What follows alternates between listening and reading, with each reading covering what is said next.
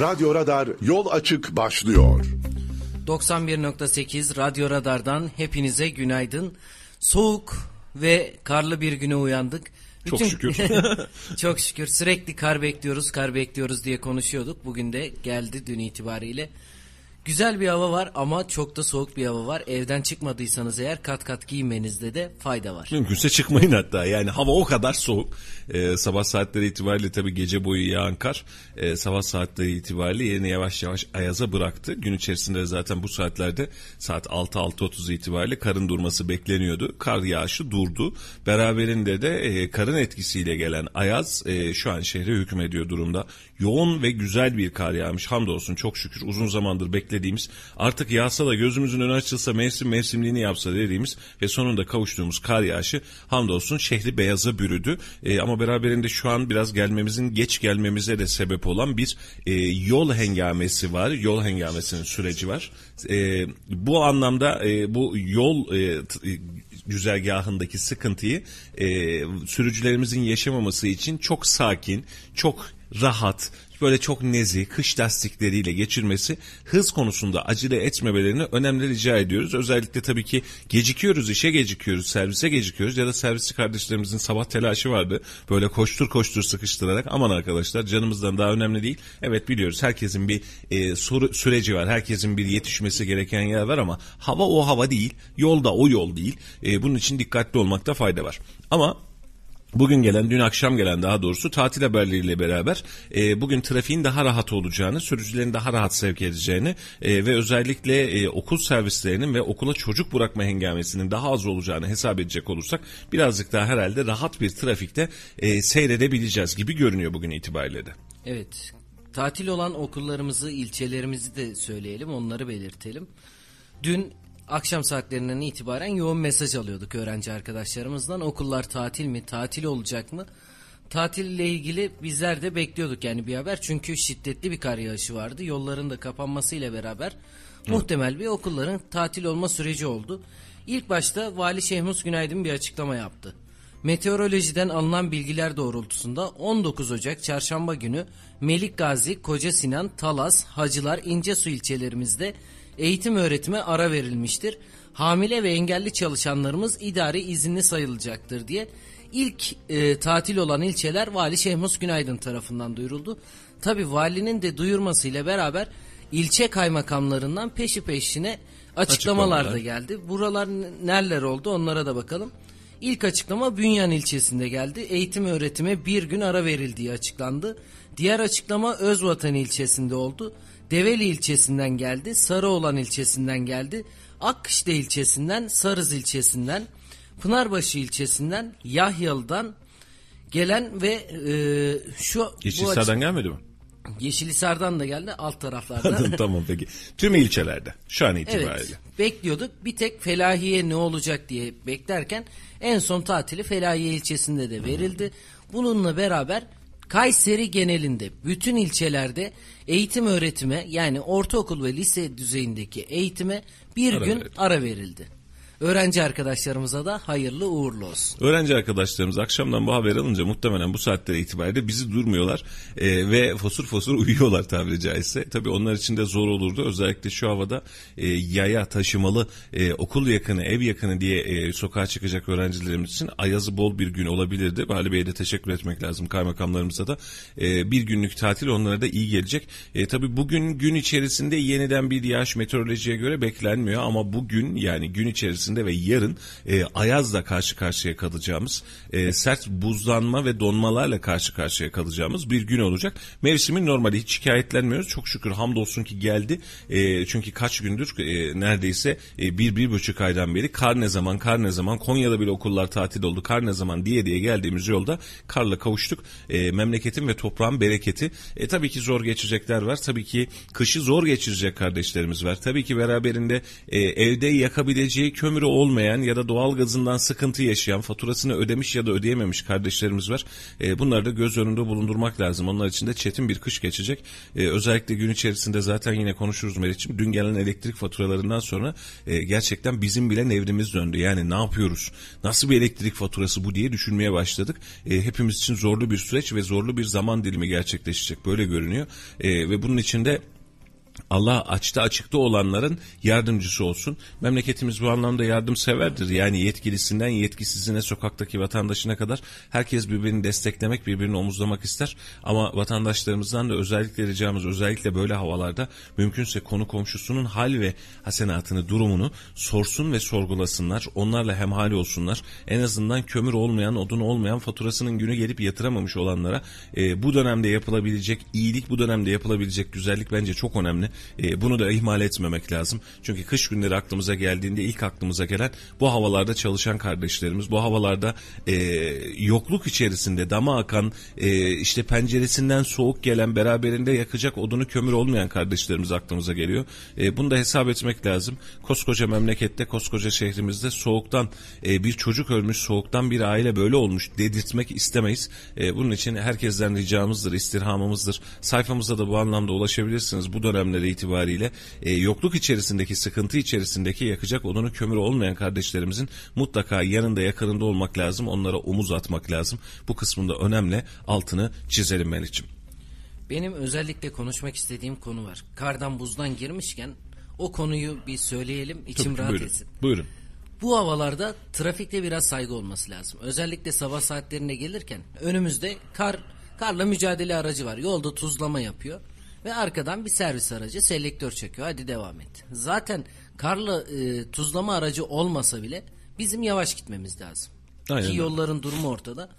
Bu süreçte trafikte özellikle biraz daha saygılı olmamız lazım. Dün kazaları bizler sayfamızda da paylaştık.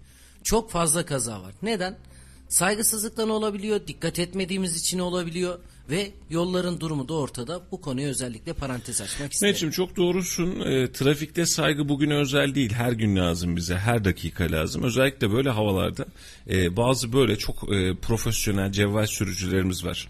E, onlar böyle e, kendini çok güvende ve rahatta hissederek çok hızlı hareket edebilirler. Hareket etmeye çalışabilirler. Buna saygıyla karşılayabiliriz anlarız. Ama diğer sürücüleri taciz ve sıkıştırma noktasına gelmeyin. E, sabah ben de bir baktım servisin gazına gelmişim. 70'te geliyorum. Yer kar buz. Hatta dedim ya sana ya ne yapıyorum ben hani nereye gidiyoruz filan diye. E, çünkü şehir içerisindeyiz. Normal şartlarda bile o hızı yapmamız gereken, yapmamamız gereken yerlerde. Karlı kışlı havalarda bunu kesinlikle yapmamamız gerekiyor. E, bu anlamda trafikteki sürücülerin birbirine saygılı olması, birbirine tahammülü olması. Mesela acemi sürücülerimiz var. Sen bilmiyorsun ama belki kar lastiğine güvenmiyor. Belki arabası kayıyor. Hani çok da zorlamamak lazım. Çünkü candan daha önemli bir şey yok. Yani o tedirginlik, o yaşanabilecek tedirginlik o an senin ya da o sürücünün yaşayabileceği kazanın bence bir telafisi yok. Bunun için sakin davranmakta, sakin seyretmekte e, fayda var. Başta da söyledik. Trafikte hep söylüyoruz bizim çok müsamahalı bir trafiğe ihtiyacımız var. Yani birbirine müsamaha gösteren, yanlış yapıldığı zaman eyvallah diyen, kornaya uzun uzun basmayan, selektörü uzun uzun çekmeyen. Dediğin gibi önümüzde kar kürüm aracı var, önümüzde başka bir servis var, arkada başka. Sürekli bir selektör. Ya nereye gideyim? Kar kürüme aracı var ve yolda benim geçebileceğim ikinci bir şerit yok. Önüme geçmeye çalışıyorsun, geliyorsun. E sen de aynı kar kürüm aracının arkasında, daha doğrusu tuzlama aracının arkasında kalıyorsun. Mecbursun. Yani gelince görüyorsun ama e peki o taciz ettiğin durumlar ne olacak? Bizi gerdiğin durumlar ne olacak? Ne yapayım? Üstünden mi atlayayım adamın? Yani e, bu kısımlarda e, sadece bir o servis sürücüsü arkadaşımız için söylemiyorum. O da ekmeğinin derdinde. O da bir, bir yere bir şey yetiştirme derdinde. Yani en büyük telaşı onu da anlıyoruz. Ama böyle havalarda özellikle daha fazla müsamahakar olmamız, daha sakin araç kullanmamız kesinlikle hepimiz için elzem. E, çünkü oluşabilecek kazalarda yani e, hele hele yani mesela aracı yanlışlıkla kaydırdınız kaydı tamam gitti bir yere çarptı tamam canınız sağ olsun ne olacak sigortası var der geçersiniz ya da iki gün sanayide de dersiniz. Hadi bunu da geçiyorum ama yolda insanlar var. Araçların içerisinde insanlar var. Yaralanmalar, ölmeler bu havalarda çok mümkün. E, bunun için çok daha dikkatli olmak, çok daha temkinli olmakta fayda var. E, gelirken de konuştuk Melih'ciğim. Şimdi belediye ekipleri hummalı bir çalışma içerisinde. Bir önceki karda yaşanan ani donmadan sonra zaten onlar da tedirgin. Allah var gerçekten. E, dün de konuştum birkaç ekiple beraber. Yani evet elimizden gelen bir şey yoktu ama evet yollarda kapandı dediler. E, bugün itibariyle ana arterlerdeki açılmaları görebiliyoruz. Hani çok rahat. Ara sokaklarda, ara arterlerde yer yer e, kar ve buz mümkün. E, vatandaşlarımız bu konuda e, biliyoruz telaş içerisinde. Herkes evimizin önü pırıl pırıl olsun, asfaltı görelim istiyor ama bu kar. Yani bu konuda yapılabilecek çok fazla bir şey yok. Yağacak. E, bir miktar o yolda kaldırımda da kalacak. Bu da birazcık zaman alacak. E, akşamında sabahında belki küreme için arkadaşlar gelecek, ekipler gelecek ama koskoca şehre hesap ettiğimizde sen fen işlerini ne kadar hızlı çalıştırırsan çalıştır, ne kadar yoğun çalıştırıyorum dersen de e, mutlaka ki yetişmeyen taraflar olacak. Müsahamalı olmakta fayda var. E, tek müsahama gösteremeyeceğimiz kısım yani sancılanacağımız kısım ana arterlerde, ana gidiş güzergahlarında yaşanabilecek karlanma ve buzlanma öncelik buraların. Ondan sonra da yavaş yavaş zaten ekipler ara yollarda da mücadele ediyor. E, eleştireceğimiz zaman çok rahat eleştirdiğimiz ekiplerin de böyle zamanlarda birazcık arkasında olmak lazım. E, çünkü gerçekten her biri geceden bu tarafa hummalı bir çalışma içerisinde kar birikmesin, kar yolda durmasın diye. Şimdi vatandaş çıkıyor binasından çıkıyor kaldırma ayağını basıyor. Kar kardeşim buralar temizlenmemiş diyor. E bir zahmet. Yani alacağın eline küreği bir zahmet kendinde temizleyeceksin. Çünkü tek başına sadece e, bir belediyenin birkaç belediyenin tüm Kayseri senin kaldırımına hatta evinin içine yetişme şansı falan yok. Yani bu bir zaman alacak mesele. Bu da, bu da doğal bir olay. Hani e, normal zamanda olan bir kardan yani normal zamanda indim ya binanın kaldırımı yok kardeşim hani yolu yok burada derseniz bunu eleştirmeyi anlarız. Ama e, böyle zamanlarda birazcık daha müsamahalı olmak lazım. Ekiplerin de işi zor. Geceden beri bir sıcak yataklarımızda, sıcak evlerimizde uyumaya çalışırken onlar da ister istemez bu soğuklarda, bu ayazda kar temizleme çalışması yapmaya devam ettiler. Ellerine kollarına sağlık, emeklerine sağlık. Eğer dinliyorlarsa her birine ayrı ayrı teşekkür ediyoruz. Ufak tefek aksaklıklarımız mutlaka ki olacaktır. Olmalı da yani doğanın e, akışına ters olur olmaması mutlaka ki olacaktır. E, ama e, bugün, bugün akşam, yarın bu süreçlerde yavaş yavaş ara arterler dahil olmak üzere yağış devam etmediği için artık temizleme çalışması gerçekleşecek. E, bu anlamda da vatandaşlarımızın da birazcık daha serin davranmalarını tercih ediyoruz. Yani evinin önündeki minnacık yolda buraya açmamışlar demenin de çok bir anlamı yok. Çünkü gün içerisinde bir sayfada da yaşayacağız. Burada kar belediye hiç çalışmıyor şikayetleri. Yani belediyeleriniz havayı e, şey karı havada yakalayıp e, sizin elinizden önünüzden alacak ekipler değil. Oluşacak ana arterlerden başlayacak. Vakti kaldıkça ana arter temiz olduğu sürece ara arterler ara sokaklarda gireceklerdir. Onların da işi bu zaten. Ama birazcık daha dediğim gibi sabırlı ve müsahamalı olmak lazım diye düşünüyorum için karın getirdikleri var. Dün akşam saatleri itibariyle Erkilet Havalimanı'ndan gelen bir bilgi vardı. Hı hı. Yoğun kar muhalefeti nedeniyle bazı uçuşlar iptal oldu. Evet. Ve bugün içinde başlaması bekleniyor. Buradan da uçağı olan seyahat edecek e, dinleyicilerimize de belirtmiş olalım. Bugün içinde başlaması bekleniyor ama olası bir durum olursa, aksilik olursa tekrar bizler de duyurmaya çalışacağız. Ki vatandaşlarımıza zaten yola çıkmadan önce, hava limanına gitmeden önce de teyit almaları, ola ki tehit ya da erteleme var mı bunları öğrenmelerini tercih ederiz. Ee, yağsın. Melih'ciğim. Yani Yağsın. aksaklık olacak. Ee, gideceğimiz yere yola revan olamayacağız bazen. Menzile ulaşamayacağız bazen. Bunlar olacak. Dün Maraş yolu kapandı mesela örnek olarak veriyorum. Niğde yolunda tüneller girişinde yaşanan kaza nedeniyle orada kapanmalar yaşandı. Bunlar olacak. Mevsimin normali bu. Ee, yağacak ki bereketi gelecek. Yağacak ki çiftçinin yüzü gülecek. Yağacak ki su oluşacak. Yarın bir gün bahara geldiğimizde ya barajlar niye boş diye kendi kendimize hayıflanmayacağız. Yağacak. Bunlar da olacak. Biz de bunlara hazır ve razı olacağız. Bu bizim için e, mevsimsel itibariyle süreçsel itibariyle bir mecburiyet. Hani bunu engellerini ne yapalım? Yaşımı durduralım olmayacak. Yani ister istemez uçuş, uçuşta ulaşımda bazı noktalarda sancı yaşayacağız. E, canımız sağ olsun. Ama e, mevsim itibariyle buna ihtiyacımız var. Keşke şu yağan karın iki katı, üç katı, dört katı birkaç güne sahip tabi ani anlamda söylemeyin birkaç güne sahip kar yağsa ve biz de desek ki oh ne güzel e, toprak bereketini aldı, su bereketiyle geldi, kar bereketiyle geldi desek gerçekten buna toprağın da mevsiminde, memleketinde, çiftçinin de insanın da ihtiyacı var. Şimdi sabah şu sokağa girip de romantik havayı görünce o bembeyaz havayı yani şehrin tüm kirini yok etmiş kar şehirde kirli ne varsa üstünü kapatmış. Yolu kaldırımı çöpü dahil olmak üzere bembeyaz. Bu hakikaten bilen için ve anlayan için büyük bir nimet. E, hamdolsun çok şükür ve uzun zamandır kara bu kadar hasret kalınca gerçekten mucize gibiydi. Yani gece saatlerinde ve sabah saatlerinde şu gördüğümüz manzara mucize gibiydi. Sıkıntısı olacak mı? İlla ki olacak. Yağmur yağınca olmuyor mu? Güneş çıkınca olmuyor mu? Kaçmaya çalışmıyor muyuz güneşten? Bunların hepsi olacak. Ama mesele e, doğanın kendi döngüsüne dönüşmesi ve kendi döngüsünü normal şartlarda halledebilmesi. Evet barajlardaki doluluk oranı son günlerde gelen haberlerde vardı. Bazı e, barajlarda içme suyu miktarı sıfırlanmıştı. Evet. Diğer tüm barajlarımızda özellikle Kayseri yerinde konuşacak olursak barajlardaki tüm doluluk oranları azalmıştı.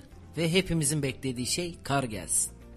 O kar da geldi inşallah bereketiyle gelir. İnşallah kardeşim. Ve bu saatten sonra da böyle aksilikler olabilir. Olacak. Ya İnsanız. olacak Ya tabii bu ki yani bunlar, bunlar ya- yani işte okullar tatil edilmiş stresini birazcık azaltacaksın patron yani biz mesela bugün normalde 7-10 geçe en geç hani yayına girmiş oluyorduk ortalama olarak. Bugün yayına girdiğimizde 7.30 e, normal vaktimizde çıktık. Hatta daha erken de çıktık.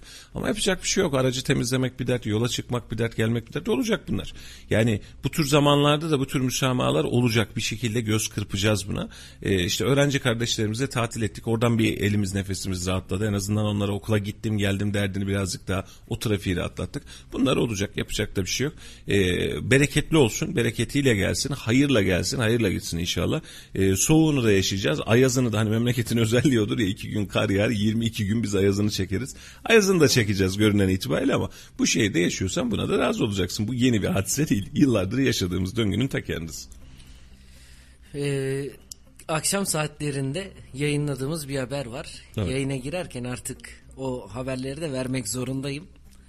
Dün gece yarısından itibaren vatandaşlar Şomazlı akaryakıt, geldi. akaryakıt istasyonlarına gittiklerinde motorini 52 kuruş zamla almaya başladılar. Evet. Dün gelen bir zamdı. Vatana millete hayırlı olsun. E, Mehmetciğim devamı var. Devamı da gelecek bu zammın. E, biz bir haftadır hemen hemen aynısını söylüyoruz. E, süreç itibariyle baktığımız noktada o benzinin litre fiyatının artmasının en önemli sebeplerinden bir tanesi Brent petrol fiyatının artıyor olması. Brent petrol fiyatı şu an e, neredeyse kriz anına denk geldi patladı. Şu dakika itibariyle 88.58 dolar. Yani bizim son 10 gün 15 günlük yayın akışımızın içerisinde %10 Brent petrol fiyatı arttı. Bu gelen zamların ana etkisi Brent petrol fiyatının artmış olmasıdır. Nokta. Yani bu döviz kurundan hani daha önce öyleydi. Döviz kuru arttığı için gelen bir zamdan filan bahsederdik ama şu an gelen zamlar Brent petrolden kaynaklı, dünya piyasasından kaynaklı gelen zamlar.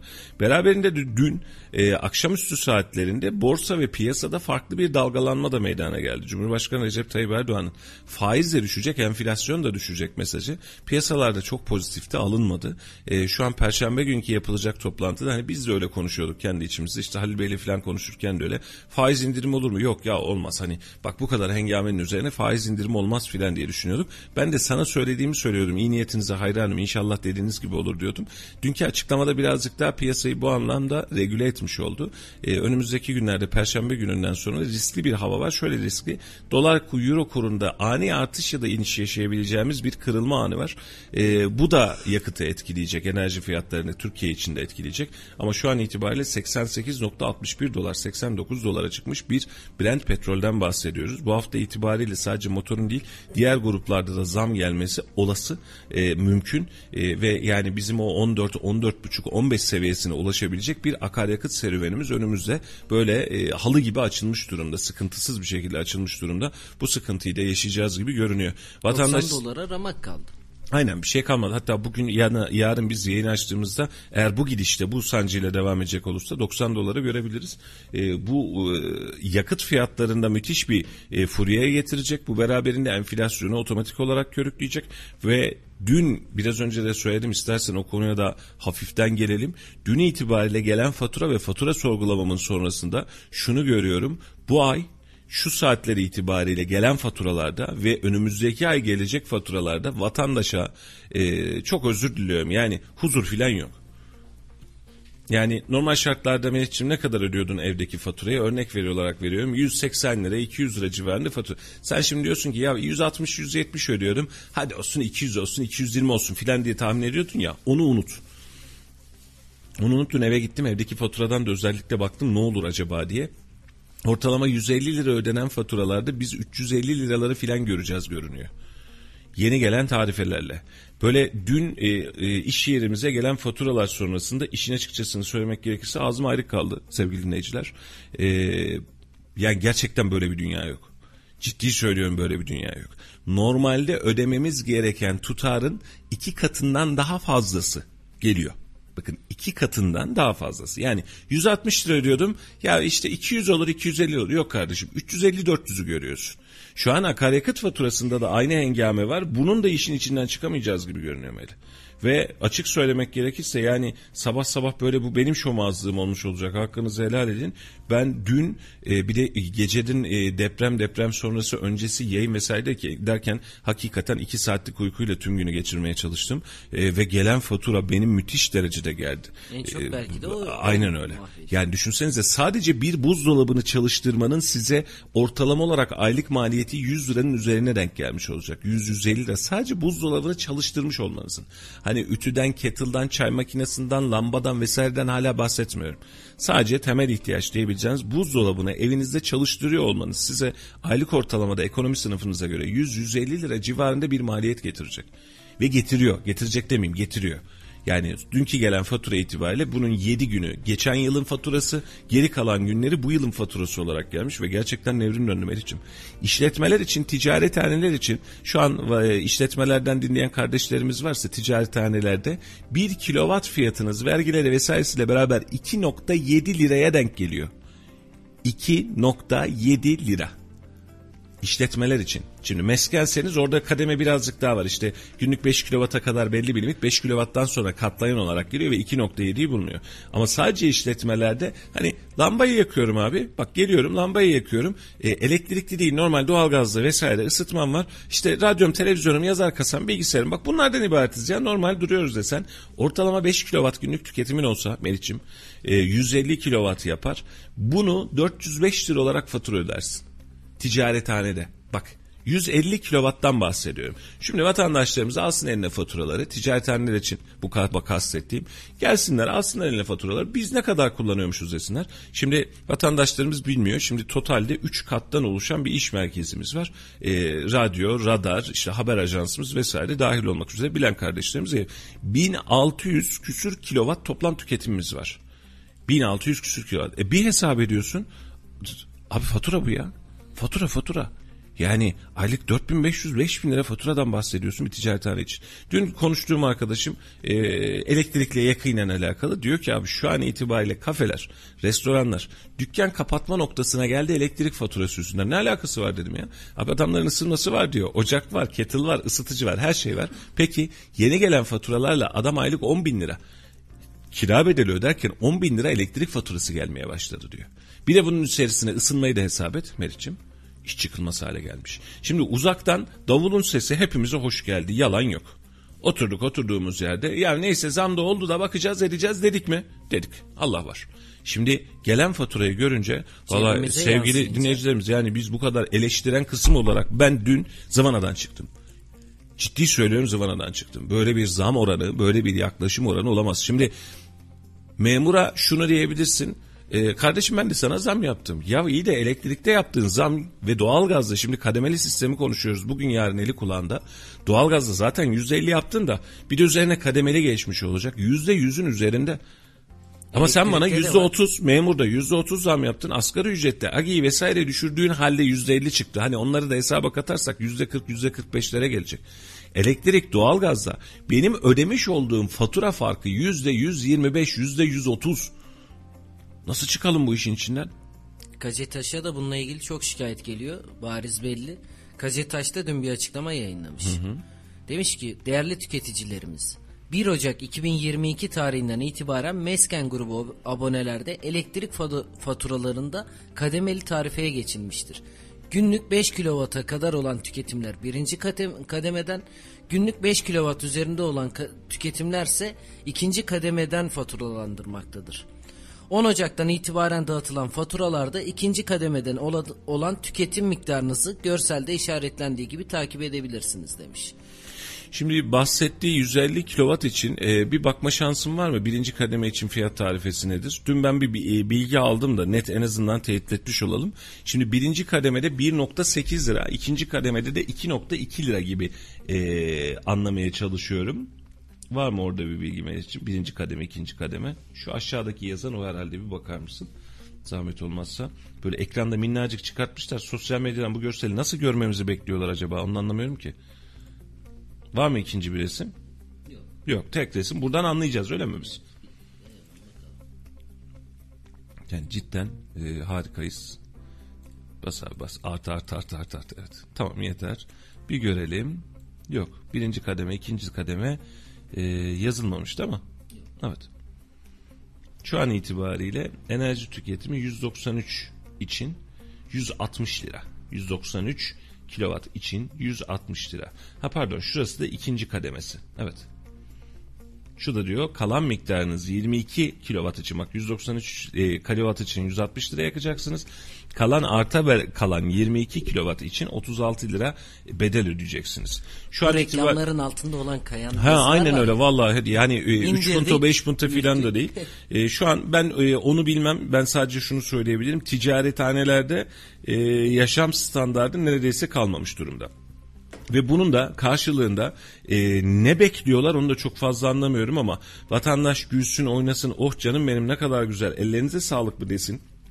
Bunu mu bekliyorlar başka mı bir şey bekliyorlar bilmiyorum. Ama şu an ticarethane için kilowatt saat fiyatı 4 no, şey 2.7 liraya denk geliyor. Yuvarlamaları vesaireleri vırtları zırtlarıyla beraber 2.7 lira. Meliç'im bunun karşılığı yok ya. Bunun gerçekten karşılığı yok. Bunun çıkılabilecek bir durumu da yok. Ve şu an ticarethanelerin yani mesela e, örnek olarak veriyorum çıktık ortaya e, elektrikli fırınımız var. Kafedeyiz ya hani işte ufak bir e, butik yerdeyiz vesairedeyiz. Elektrikli fırında bir şey yapıyoruz yapma abi. Yani orada yapacağım poğaçanın ekmeğin filan fiyatına kimsenin yetişebilme şansı yok. Ekmeğe zam gelecekti vesaire diyoruz ya adamlar az bile yapmış. Ciddi söylüyorum az bile yapmış. Ki Dün lüzumsuzun bir tanesi yani ismi lazım değil gerçekten böyle yazının içerisinde bu adam ne yapmaya çalışıyor? Ekmekçiler diyor para kazanamıyorum diyor isyan ediyormuş diyor. Peki ama diyor fırınları hala kapatmıyorlar diyor. Ne yapmayı istiyorsunuz? Yani esnaf kepenk mi kapatsın? Esnaf kendini yok mu saysın? Böyle bir mantık olabilir mi ya? Böyle bir mantık olabilir mi? Algılamak, anlatmak, değerini bilmek neredeyse mümkün değil. Çok ciddi zorlanıyoruz ve şu an Kacıtaş'ta da yani bu Kacıtaş özelinde değil Kacıtaş'ın kendisinin yaptığı bir zam değil bu. Açık söyleyeyim. Yani enerji piyasaları bunu çıkartıyor. O hayırlı olsun diyor. Devam ediyor. Nasıl çıkacak bu işin içerisinde? Vatandaş bu zammın altından nasıl kalkacak? Vatandaşa en baba ilk %50 zam yaptın doğru mu? Memura %30 zam yaptın. Elektrik faturasındaki, doğalgaz faturasındaki zam %100'ün üzerinde. Hadi vatandaşa yapmadın bunu. %100 zam yapmadık ya vatandaşa. Esnafa yaptın. Esnaf gidecek. Bu vatandaş gidecek. Esnaftan ürün alacak. Esnaf ne yapacak? Yüzünü mü kırpacak? Ben açık söyleyeyim kendi tarifelerimizde saldığımız sattığımız ürünler dedik ya asgari ücret biz çok emek yoğun çalışan bir sektör. Asgari ücrete %50 zam gelmiş bizim de ortalama %50 zam yapabilmemiz lazım diye düşünüyorduk yani tasarrufumuz buydu. Bırak %50'yi %100 zam yapsan kurtarmıyor bu engamede. Ciddi söylüyorum kurtarmıyor beni. Ki bu, biz bu zamı neye göre yaptık? Bu zam e, Ekim'de Kasım'da yapılan zamlara göre dedik ki enflasyona karşı ezdirmeyeceğiz vatandaşı. Ne oldu? Biz bunu geçtik. Aralıkta enflasyon oranları belli oldu. %36 dedik. %50'lik bir zam aldık. E, Ocak'ta zamlar gelmeye devam ediyor. Yılbaşına girerken biz zamlı girdik. Evet. Bunu da düşünmek lazım biraz. Yani bu gelen zamlar gerçekten vatandaşı da zorlayabilir ki tepkiler gelmesine istinaden büyük ihtimalle Kacetaş da açıklama yapmış. Ama bu elektrik faturalarındaki zam Kacetaş'ın yaptığı bir şey değil. Yo burada burada hani net söylüyoruz. Kacataş'ın vesairenin bağınca. Hayır Kacataş'tan sadece şu dilenebilir. ya kardeşim bu dönem millet zor ödüyor elektriğini. Kesmeyin cart diye. İki günün içerisinde adamların elektriğini kesmeyin. Zor ödüyorlar. Zor ödüyorlar. Yani şimdi yukarıdan bakınca ya kardeşim o da ödesin ödemiyorsa ya böyle bir şey yok ya. Hayattaysan yaşıyorsan bu elektriği kullanmak zorundasın. Hani tutup da adamın teminatının 5 katı 20 katı filan içeride alacak verecek biriktirin demiyoruz. Ama koca koca yerlere bazen gözünüzü kapattığınızı biz biliyoruz. Yani adamın 80 lira, 100 lira, 150 lira faturası gelmiş, ikinci fatura dönemine dönmüş. Hani ikinci faturası kesilmiş tabiri caizse. Ödeme son ödeme gününün üzerinden 3-4 gün, 5 gün geçmiş kapatmaya gidiyoruz. Yapmayın. Yani adam 100 lirayı ödeyemiyorsa senin üzerine 30-40 lira koyabileceğin asma kesme bedelinde ekstralar ödeyemiyor bu adam. Ve zor dönemler. Ciddi söylüyorum zor dönemler. Bunu doğalgaz için de söylüyorum. Şimdi Büyükşehir Belediyesi'nin bu anlamda etkisi yok. Çok küçük bir hissesi var, sembolik bir hissesi var Sokar'da. Yani Kayseri Gaz'da şimdi Sokar'ın almış olduğu Kayseri Gaz. Ee, orada da aynı dertteyim, orada da aynı terennümdeyim. Şimdi koca koca tesisler, fabrikaların faturalarından bahsetmiyorum. Yani e, öder, ödeyemez, teyve yapılandırır, kredi çeker vesaire yapar. Ya adam evinde işte bir tane sobası var, doğalgaz sobası var. Bir şekilde oturmuş kafasını sokmuş işin içerisine. Ben yemin ediyorum şu an dinliyordur muhtemelen bir memur kardeşim var. Abi zamlı maaş aldık diyor e, çocukcağız hesap etti. İşin içinden nasıl çıkacaklar bilmiyorum. Ya özellikle evli değil ya. Biz iki kişi yaşıyoruz biliyorsun abi. Hı hı. İki kişi yaşamamıza rağmen ikisi de bekar. Bekar evinde biz ay sonuna nasıl geçineceğiz diye bakıyoruz. Ve bu adam evliyse iki tane çocuğu olsun. Üç tane falan demiyorum. İki tane çocuğu olsun. Ne yapacak? Yani gerçekten üzücü bir durum. Bir, özellikle eşi de çalışmıyorsa vay haline. Valla Melih'ciğim eşi de çalışıyorsa çocuğu kreşe gönderdim, okula gönderdim, bakıcı geldi. Bak bir de bunların maliyetleri var. Yani çalışan ablalarımız, kardeşlerimiz, canlarımız, yerlerimiz onlar baş tacı. Tabii ki olsunlar. Ekonomik, iktisadi hayatın içinde de olsunlar. Ama yaşanan sıkıntıya baktığın zaman yani ben e, kreşe göndermem lazım çocuğu diyor. Aldığı 3 bin lira 4 bin lira maaş örnek olarak veriyorum. E, geçen yıl itibariyle atıyorum 3500 lira 4 bin lira maaş alıyorum abi diyor. Tamam güzel kardeşim eline sağlık. E, 1500 lira kreşe veriyorum diyor. E gidiyor para oraya çalışacağım diye. Yani e, tamam geri kalan rakamlar diyorsun ama gelmen gitmen bir maliyeti. O iş için kullandığın kıyafet bir maliyeti doğru mu? Yani üstünü başına yani iki tane fazladan takım alıyorsun. Ya aman ayakkabım böyle olsun diyorsun. Arkadaşlarla bir şuraya gittik de oturduk iki dakika diyorsun. Onun doğum günüymüş ona pasta aldım diyorsun. Sosyal içtimai hayatın içerisinde bunun da masrafları var. İşte bu rakamların gerçekten bir anlamı kalmamış. Ve yine söylüyorum yani şu an tüccar içinde, ev tüketicisi içinde, şu an ev tüketicisi çok fazla ama bizim e, ticaretle uğraşan kardeşlerimiz, mesken olmayan, ticarethane olan kardeşlerimiz vay halinize. Vay halimize. Vay halimize.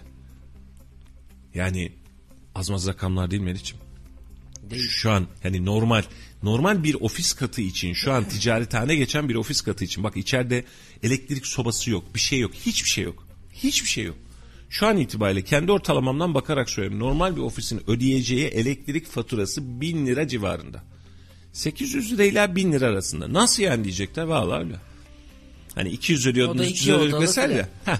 Yo, normal ya işte yani işte 100 metrekare civarındaki bir ofisten bahsediyorum. İçerisinde iki tane, üç tane, dört tane totalli bilgisayar olsun.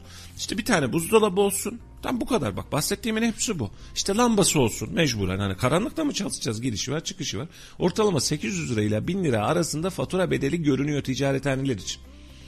Hani iş birazcık daha böyle dekoratif böyle şaşalı lambalar, girişler, çıkışlar, aydınlatmalardan filan bahsediyorsak, şurada kenarda bir şömine, kenar duvarda bir aplikten filan bahsediyorsak ya da ticarethanenin işi gereği yapması gereken farklı uygulamalar, fişe taktığı farklı cihazlar varsa geçmiş olsun. E peki ne yapacak? Nasıl çıkacak bu işin içinden Melih? Koyacak üzerine, koyacak üzerine. Yani şimdi ticaretten derken bir ofisten bahsettim. Normal bir ofis. Ofis. Yani dükkan değil. Tabelası vırtı zırtı olan bir yerden bahsetmiyorum. Ofisten bahsediyorum. E şu an ev ortalamasında bu ay itibariyle 300 liranın altında fatura herhalde bizim için mucize olacak. 300 liranın altında bir fatura görebilecek olursak herhalde o ne kadar güzelmiş diyeceğiz. Ev için. Doğalgazda hakeza yine durum öyle. Geçen ay ne kadar geldi sana fatura? 500 lira geldi. Bu ay ne kadar gelecek? Kafadan 800 lira gelecek. Bir de soğuk zaten. Ve bu işin içerisinden çıkmamız gerçekten zorlaşıyor. Yetkililer diyerek Kepsaş'ı, Kayseri Gazı, Kacetaş'ı hedef göstermek istemiyorum. Çünkü hedef burası değil. Bu fiyat düzenlemesini yapan da bu insanlar değil. Ama şu gelen fiyat düzenlemesinden geri adım da atılmayacağına göre e, bu işin çok fazla bir dönüşü kalmamış Melih. Yani aldığımız maaş ve işte asgari ücretli önümüzdeki ay itibariyle yeni maaşını alacak ya. Maaş gelmeden gitti. Gitti. O geçmiş olsun. Nasıl çıkacak işin içerisinden? Böyle bir çare yok. Böyle bir dünya yok. Ve işimiz de gerçekten çok zor. Allah e, hakkımızda hayırlısını versin. Hep duamız buna dönüyor. Vatandaşta da dua bu. Artık çaresiz kalınan tek yerde ağzımızdan çıkan laf bu Hüseyin'cim. Diyoruz ki Allah hakkımızda hayırlısını versin. Hayırlısı. Çünkü başka diyebileceğimiz bir şeyimiz kalmadı. Yolumuz yordamımız kalmadı. Gelen zamlar şimdi akaryakıttan bahsettin oradan girdik işin içerisine. 88 e, dolar 89 dolar civarına gelmiş bir Brent petrol fiyatından bahsediyoruz. Dünya genelinde şu an 88-58 şu anki fiyatı. Bir Brent petrol fiyatı var. Perşembe günü itibariyle dolarda olası bir iniş ya da biniş yaşanabilir. Faiz kararı etkiliyor biliyorsun. Bunun e, karşılığı var. E karşılığında da biz bu hafta itibariyle daha hafta çıkmadan Merkez Bankası kararından kararından münezzeh olarak, ari olarak biz akaryakıtta yine zamla karşı karşıya kalacağız. Ya memleketimiz çok yaşasın. Vallahi yaşasın. Problem değil. Ben biz dev, devletimiz memleket filan meselesi değil. E, bizim şu an baktığımız nokta şu. Millet bu parayla nasıl hareket edecek? Yani ben çok ucuz yakıyor diye araba alan kardeşim şu an 1 lira yakıyor. Çok ucuz yakıyor kardeşim benim arabam diyen kardeşim şu an 1 lira yakıyor ölüsü. Düşünsene tal hastasın. O, ya dün bir kardeşimle konuştum. Yani inan içim gitti. Organizere çalışıyorum abi diyor. Arabayla gidip geliyorum mecburen diyor. Hani gecemiz gündüzümüz belli arabaya. Gitme gelme 48 kilometre. Yani günlük 50 lira. Yani 24'ten 48 kilometre. 1 liranın altı mıydı senin araba dedim. Şu an 1.3 lira yakıyor dedi. 60 lira günlük geliş gidiş maliyeti var. Para insanlara kolay geliyor. Ya o kadar para alıyorsunuz diyor ya. Adamın sadece geldiği gittiği maliyet bundan ibaret. Başka da söylenecek çok fazla yerimiz yok herhalde. Buyurun. Yine şom ağzınızı açın efendim. Yeni haberleri alalım. Başka neler var onun üstüne geçelim. Çünkü ben dünkü e, psikolojiden çıkmak için uzun bir uyku çekmeye çalıştım kendimce. E, ama bugün itibariyle aynı psikolojiye de düşüyoruz herhalde. Düşmek de zorunda kalıyoruz. Sıkıntılı. Yani bu zamlar, bu zamların yansıması ve cebimize yansıyan yansımaları bizi rahat ettirmiyor. E, zamsız bir konumuz varsa Melih'ciğim ona geçelim. Dün ne vardı? Dün bilim kurulu toplantısı yapıldı. Bilim kurulu toplantısından çıkan kararlar da var. Sağlık Bakanı Fahrettin Koca dün akşam saatlerinde açıkladı. Yazılı olarak açıkladığı vardı. 6 maddelik yeni tedbirleri duyurdu. Artan vakalarla birlikte. Bu 6 maddelik yeni tedbirler neler?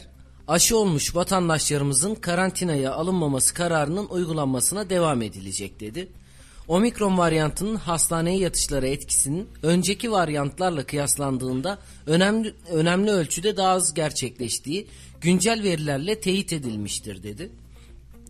Alınan tedbirlerin ve kaldırılan kısıtlamaların etkisinin ölçülmesine yönelik pilot çalışmalarla planlı taramalar yapılmasına karar verilmiştir. Hatırlatma dozu aşılarının uygulanmasında hassasiyet gösterilmesinin omikron varyantına karşı önemli bir tedbir olduğu unutulmamalıdır dedi. Vakalar hastaneye yatanların yaş grupları dikkate alınarak değerlendirildiğinde 65 yaş üzeri büyüklerimizin risk altında olduğunu göstermektedir. Omikron varyantının yayılma hızının yüksekliği dikkate alınarak maske kullanımında ısrar edilmelidir. Maske en pratik ve en etkili korunma yöntemidir diye 6 maddelik tedbir kararını açıkladı bilim kurulu. Valla konuştuğumuz hadise olması gereken hadise de buydu e, omikron varyantının daha az ölümcül olması sebebiyle birazcık daha rahat geçirmemiz gereken e, bir e, pandemi dönemine doğru geçmemiz gerekiyordu. Zaten açıklamalarda buna geliyor. Sadece e, hala e, bazen yanlış kararlar verebiliyoruz. Mesela uçaktaki PCR testi zorunluluğu gibi. E, artık bu kararlardan da çıkarsak maç girişlerindeki HES kodunun yeterli olması gerekliliği gibi. Yani şu an 3. doz aşıdan bahsediyoruz.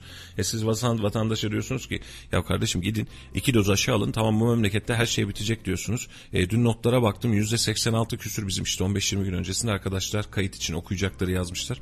%86 2 doz e, aşı olanların totaldeki Türkiye genelindeki oranı demişiz. E, yetmedi 3. dozda olun. Artık şu bastırmalardan sürekli bir e, illa bunu yapacaksın noktasından bir adım geri çekilmek lazım. Vatandaşı şunu öğretmek lazım. Bak kardeşim bu daha ölümcül değil ama hala senin yaşlıların, kronik hastaların için hala risk teşkil ediyor.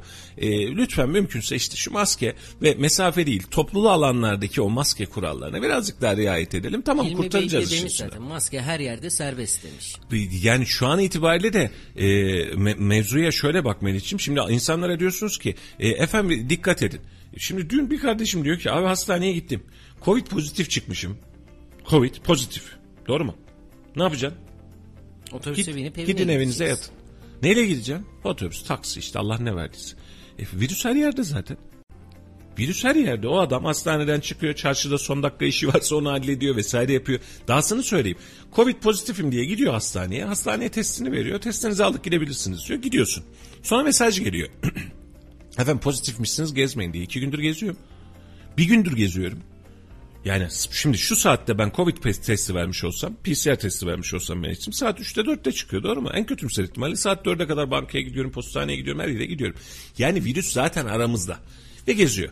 Maske takmak evet bu anlamda önemli. Özellikle kendini hasta mıyım acaba diye düşünen kardeşlerimiz mutlaka maske taksın. Hani test verdim rahat geziyorum demeyin ya bir maske takın da etrafınızdaki insanların vebalini almayın. Toplu alanlara girdiğimizde herkesin maskeli olmasına dikkat edelim. Ola ki riskli olanlar var. Haberi olmayanlar var, semptom olmayanlar var. Tamam bunları da birazcık daha rahat edelim. Ama bu kadar. Şu anda da bakanlık zaten bu akışa doğru geliyor. E, bu rahatlatmaya doğru geliyor. İnşallah bu rahatlıkta da önümüzdeki dönemde yaz ve bahar döneminde tamam Covid'den de artık eser kalmadı diyebileceğimiz günleri bekliyoruz. Artık kapatmalar, uzaktan eğitimlerin filan tamamen artık gündemden çıktığı normalleşiyoruz dediğimiz e, toplumsal immünizasyona yani toplumsal bağışıklığına, sürü bağışıklığına döndüğümüz e, günlere doğru dönmek zorundayız. Buna doğru da gidiyoruz. E, tek aklımı karıştıran nokta şu, e, bu kadar konuştuğumuz iş içerisinde PCR testi yapmayı sadece semptoma bağlı hale getirmemize rağmen PCR testi günlük test sayımız neden arttı? Bu anlamda hala kafamda bir soru işareti var. Onun da cevabını bulursak inşallah önümüzdeki günlerde sizle paylaşacağız. Teşekkür ederiz. Bugün Cumhurbaşkanlığı kabinesi toplanacak. Kabine toplantısında Cumhurbaşkanı Recep Tayyip Erdoğan başkanlık edecek ve 3 madde var. Bu 3 madde üzerinde konuşulacak. Gündemde ekonomi, salgın ve terörle mücadele olacak. Evet. Kur ve fiyatlardaki dalgalanmanın yanı sıra kur korumalı Türk Lirası mevduat programı, bireysel emekliliğe %5 gibi birçok e, maddede yer alacak. Bunlar da konuşulacak. Konuşulduktan sonra da duyurusunu yapacağız. Yani bu bakanlar kurulu çok fazla verinin beklemediği ama ertesi günkü para politikaları toplantısı öncesinde bize bir e, tiyo verebilecek alanlardan bir tanesi. Akşamki konuşmada e, muhtemelen şimdiden altını not olarak çiziyorum. Olabildiğince ucu sert, ekonomik anlamda olabildiğince kendini iyi hisseden çok fazla şeyi başardık, başarmaya devam ediyoruz ve bunun etkisiyle de biz tedbirlerimizle beraber hazırız. E, faizi de düşürmeye devam edeceğiz. Bu enflasyonu da düşüreceğiz. Bu köpüğü de üzerimizden atacağız diyen bir açıklamayı göreceğiz. Bakın daha görüşülmeden ben görüşülecekler noktasını söyleyeyim. Ee, Sayın Bay Kemal'in ve özellikle HDP'li teröristle fotoğrafı çıkan gündemin görüşmesini bir kez daha gözümüzün önüne getireceğiz. Ee, bunların ayrıkçılığından bahsedeceğiz. Beraberinde milli unsurlarımızla bizim Türkiye içerisindeki, yurt içerisindeki terörist sayısını ne kadar azalttığımızdan bahsedeceğiz. Ekonomik olarak çok güvende olduğumuzdan bahsedeceğiz ve ertesi güne bir hazırlık yapacağız. Perşembe gününe bir hazırlık yapacağız. Ortaya çıkacak tablo bu. Kapının arkasında ne konuşul bilmiyorum. Ama kapının önünde bize açıklanacak noktalar bunlar. Ee, ekonomik anlamda yeni bir model ya da yeni bir tedbir, yeni bir reaksiyon beklemiyorum akşamki toplantıdan. Yani memurumuza artı bunu yaptık, şuradan da şunu almaktan vazgeçtik beklemiyorum. O bahsetmiş olduğumuz işte e, kanunda henüz çıkmayan ve önümüzdeki gün bugünlerde ya çıktı ya çıkacak herhalde şu yüzde iki buçukluk fark vesaire. Bunlar zaten e, ayın 20'si tarihinde konuşulan toplantı, Aralık 20'deki konuşulan toplantıda açıklanmıştı. Şu an sadece kanuni olarak bunun yürürlüğe girmesini bekliyoruz. Çok sağlam bir ekonomimiz var, ekonomimiz var ve vatandaşımız rahat olsun bugünlerde geçecek havasında, mihvalinde bir açıklamayla akşam karşı karşıya kalacağız. Allah'tan mani çıkmazsa biz de canlı yayınlarla bunu aktaracağız zaten ee, sevgili inli, izleyicilerimize, dinleyicilerimize. Ee, bunun üzerinden de ertesi gün Perşembe gün saat 13 itibariyle herhalde ya, da 14 itibariyle 13, 10, 14 itibariyle e, Merkez Bankası Para Politikaları Kurulu'nun faiz kararını açıklayacağız. Bu akşamki çıkacak karar da zaten bir sonraki günde çıkacak kararında yansıması olmuş olacak. Piyasayı da bir şekilde bir şeylere hazır hale getirmeye çalışacağız. Görünen tablo bu. Ki bir toplantı biraz da kritik. Toplantı to- olmadan toplantı özetini geçtik vallahi maşallah. Toplantı kritik niye? Çünkü bilim kurulu toplantısı normalde çarşamba günleri yapılırdı. Evet. Bugün kabine toplantısında 70 binin üzerine çıkan vaka sayıları konuşulacağı için bilim kurulu bir gün öncesinde toplandı ve buradan Ki bilgi kararlar verelim aldı. rahat rahat diye. Rahat rahat bilgilerini verecekler. Aynı zamanda çarşamba günü yapıyoruz çünkü perşembe günü Merkez Bankası faiz kararını açıklayacak. Evet. O yüzden hem ekonomik anlamda hem de salgınla ilgili birkaç beklemediğimiz karar çıkabilir diye tahmin ediyorum. Umamam oğlum umamam demiş diye bir hikaye var ya yani o biraz iş birazcık daha öyle. Tabii ki hakkımız hayırlısı e, ama biz sadece e, bu e, bildirimleri şöyle yapıyoruz. Hani pelikancı medyalar vardır böyle içeriden önceden haber verir akşam filan. Yok biz de orayı biz Kayseri'de bak oturuyoruz oturduğumuz yerde. Ama gördüğümüz tablo itibariyle şunu çok rahatlıkla söyleyebiliyoruz. Hani gelebilecek gelişmeleri, nelerin çıkabileceğini, nelerin söylenebileceğini bu tür gündemi yoğun olmayan toplantılarda görebiliyoruz. Ama mesela ayın 20'sindeki toplantıda ne geleceğini bilmiyorduk. Bilseydik o güruha biz de katılırdık. Yani 18'den satardık, 11'den alırdık filan. Biz bilmiyorduk o dönemleri. Ama şu an itibariyle normal gündem akışındaki programı görebiliyoruz. Ocak, Şubat, Mart dönemi hükümet ve hükümetin ekonomi politikaları adına önemli göstergeler içerecek Mehmetciğim. E, dün e, bir federasyon altın vesaire ile alakalı bunların bir e, şeyi var derneği var. Onun bir açıklaması vardı. E, metni bulamadım. Çok özür diliyorum bunun içinde. E, mesela piyasada ithalata gönderilecek dolar bulamadıklarıyla alakalı sıkıntıları var. Piyasada dolar yok. Nasıl yani? Dolar yok piyasadan gidip alabileceğiniz dolar yok. Sebep şu, e, vatandaş şöyle zannediyor, kıtlık mı çekiyoruz, devlet mi çekti? Hayır. Herkes alacağı doları, euroyu vakti zamanında aldı. Azken aldı, çokken aldı. Ama şu an 18'i 17'yi görmüş bir doları vatandaş eğer normal ticari hayatına devam etmiyorsa, anlıkta kira ödemek için almadıysa, anladın mı? Yani acil bir şey için almadıysa, mecburiyetten almadıysa o doları bozdurmakla alakalı bir tasarrufu yok. Borsayı bilenler iyi kötü bilirler. Tablo şöyle bir hisse senedi düşünün. Hisse senedinin fiyatı şu an itibariyle 35 lira misal. Senin elinde çok ciddi miktarda bir hisse var. Sen diyorsun ki benim fiyatım 50 lira diyorsun satışa koyuyorsun. 50 liranın aşağısına satmıyorsun. 50 lira diyorsun. 35 liradaki alıcı bakıyor hmm, 35 buçuğa varmış diyor alıyor. 34 buçuğa varmış diyor alıyor. Piyasaya indiriyor bindiriyor. Ama alacak mal kalmayınca ki yukarıdaki adam da maliyeti düşürmek için zaten aşağıdan da mal topluyor. Alacak mal kalmayınca bakıyorlar ortaya şöyle. E ne yapacağız? Alan satan yok, hacim yok. Bak piyasada mal yok. Alan satan yok. Arz talep dengesinde bir sıkıntı var ve arz edilen denge ve talep edilen denge birbirinden çok uçuk miktarlarda ve yavaş yavaş yukarı taraf yani o 50 liradan satıyorum diyen insan ısrar ettiği sürece sen o 50 lira bandına yaklaşıyorsun. Bunun adına borsada özellikle büyük lotlarla büyük hisselerle yaparsan balina derler bunları. Yani istediği yerde durur, istediği yerde de istediği malı istediği yerden satar. Aşağı taraftan da toplar. Şimdi piyasadaki balinalar ise şu an Türk lirası ve dolar euro piyasası için piyasadaki balinalar dağılmış durumda. Şimdi adama 18 liradan vermişin doları. 20 liradan vermişin euroyu. Adama diyorsun ki düştü satsana. Sen olsan satar mısın? Adam Aynı şey ki, otomobilde de geçer. Nasıl olsa görecek bunu diyor. Yattı kulağının üzerine. Görecek görmeyecek bilmiyorum. Ama nasıl olsa görecek diyor. Çünkü bugüne kadar deneyimimiz şu. Piyasa gördüğü yeri unutmaz. Altın içinde döviz içinde bir şekilde çıkar. E bir şekilde de bunun hesabı bekleniyor. Şimdi daha acı bir şey söyleyeceğim. Bunu ilk kez söyleyeceğim. Bir abimiz geçen gün sağ olsun ziyaretimize gelmiş. Çok da sevdik. Maşallahları var. Ticaretlerin içerisinde bizim de dinleyicimizmiş zaten dinlediğini de belirtti. Diyor ki 6. ayda dış ticaret yapacağız. Yani 6. ay vadeli şu an bir sipariş var alacağız.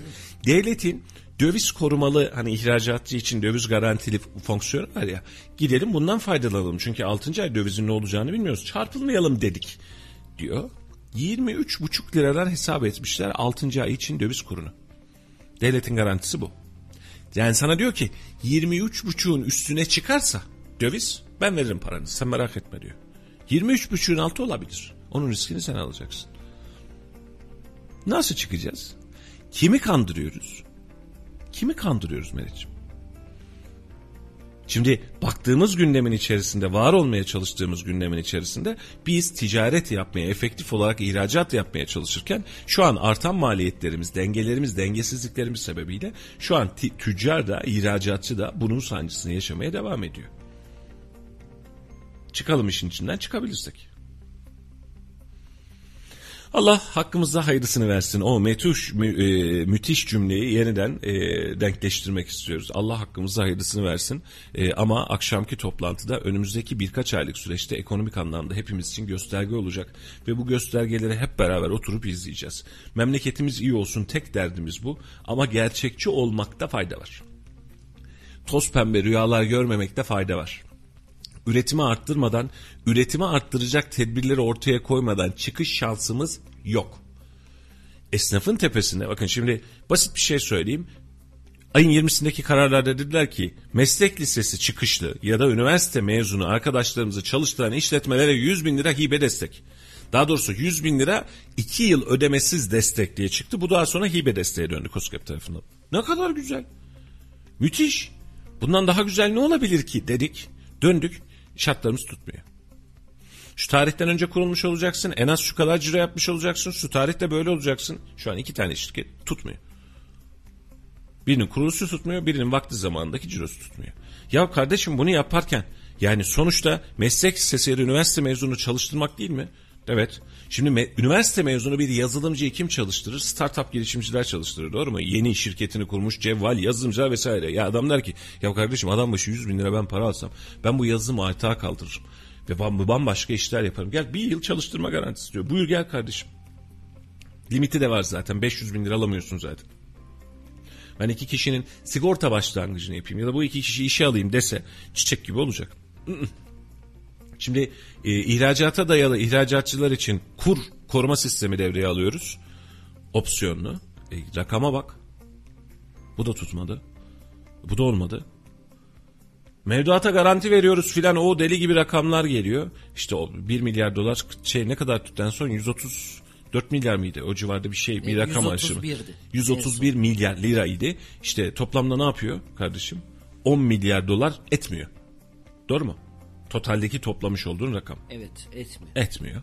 E sen zaten 10 milyar dolar sadece piyasayı düzeltmek adına, düzeltmeye çalışmak adına bunun çabasını sarf ettin. Döviz rezervine bakıyorsun kurtarmıyor. Merkezin rezervine bakıyorsun düşüyor. Eksi rezervimiz artıyor. Ve bu handikapın içerisinde biz her şey güllük gülistanlıkmış gibi davranmaya, davranabilmeye devam ediyoruz. Tersini de yapmayalım canım. Yani biz bunu e, iki aydır aynısını söylüyoruz. Sokağa çıkalım şöyle. Hayır. Tabloyu niye net gösteremiyoruz ki insanlara? Hadi kandırdık. Hadi gözümüzü kapattık. Hadi algı tuttu. Ne bekliyoruz? Kar yağarken beraberinde altın döviz falan mı yağacağını bekliyoruz. Tablo bu. İki ay sonrasındaki tablo da bu. Türkiye bir yerden petrol çıkarttın, doğalgaz çıkarttın ve bunu da milyar ton, milyar ton çıkarttık, milyar varil çıkarttık deyip tüm dünyaya satıp bu işi yani şu an 88 dolar alan Brent petrol fiyatını kardeşim onlar 80'de 80, 50 dolardan satıyorum gel vatandaş deyip de bütçesini rahatlatamayacağına göre biz bu krizi bir günlüğüne iki günlüğüne falan yaşamıyoruz.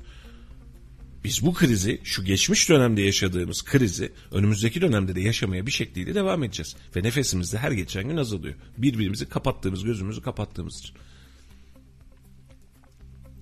Ve açık söyleyeyim gelen zamların ve bu ay itibariyle aybaşı itibariyle ay sonu itibariyle bak Şubat 15'e kadar zamlar ve piyasa oturmuş olur.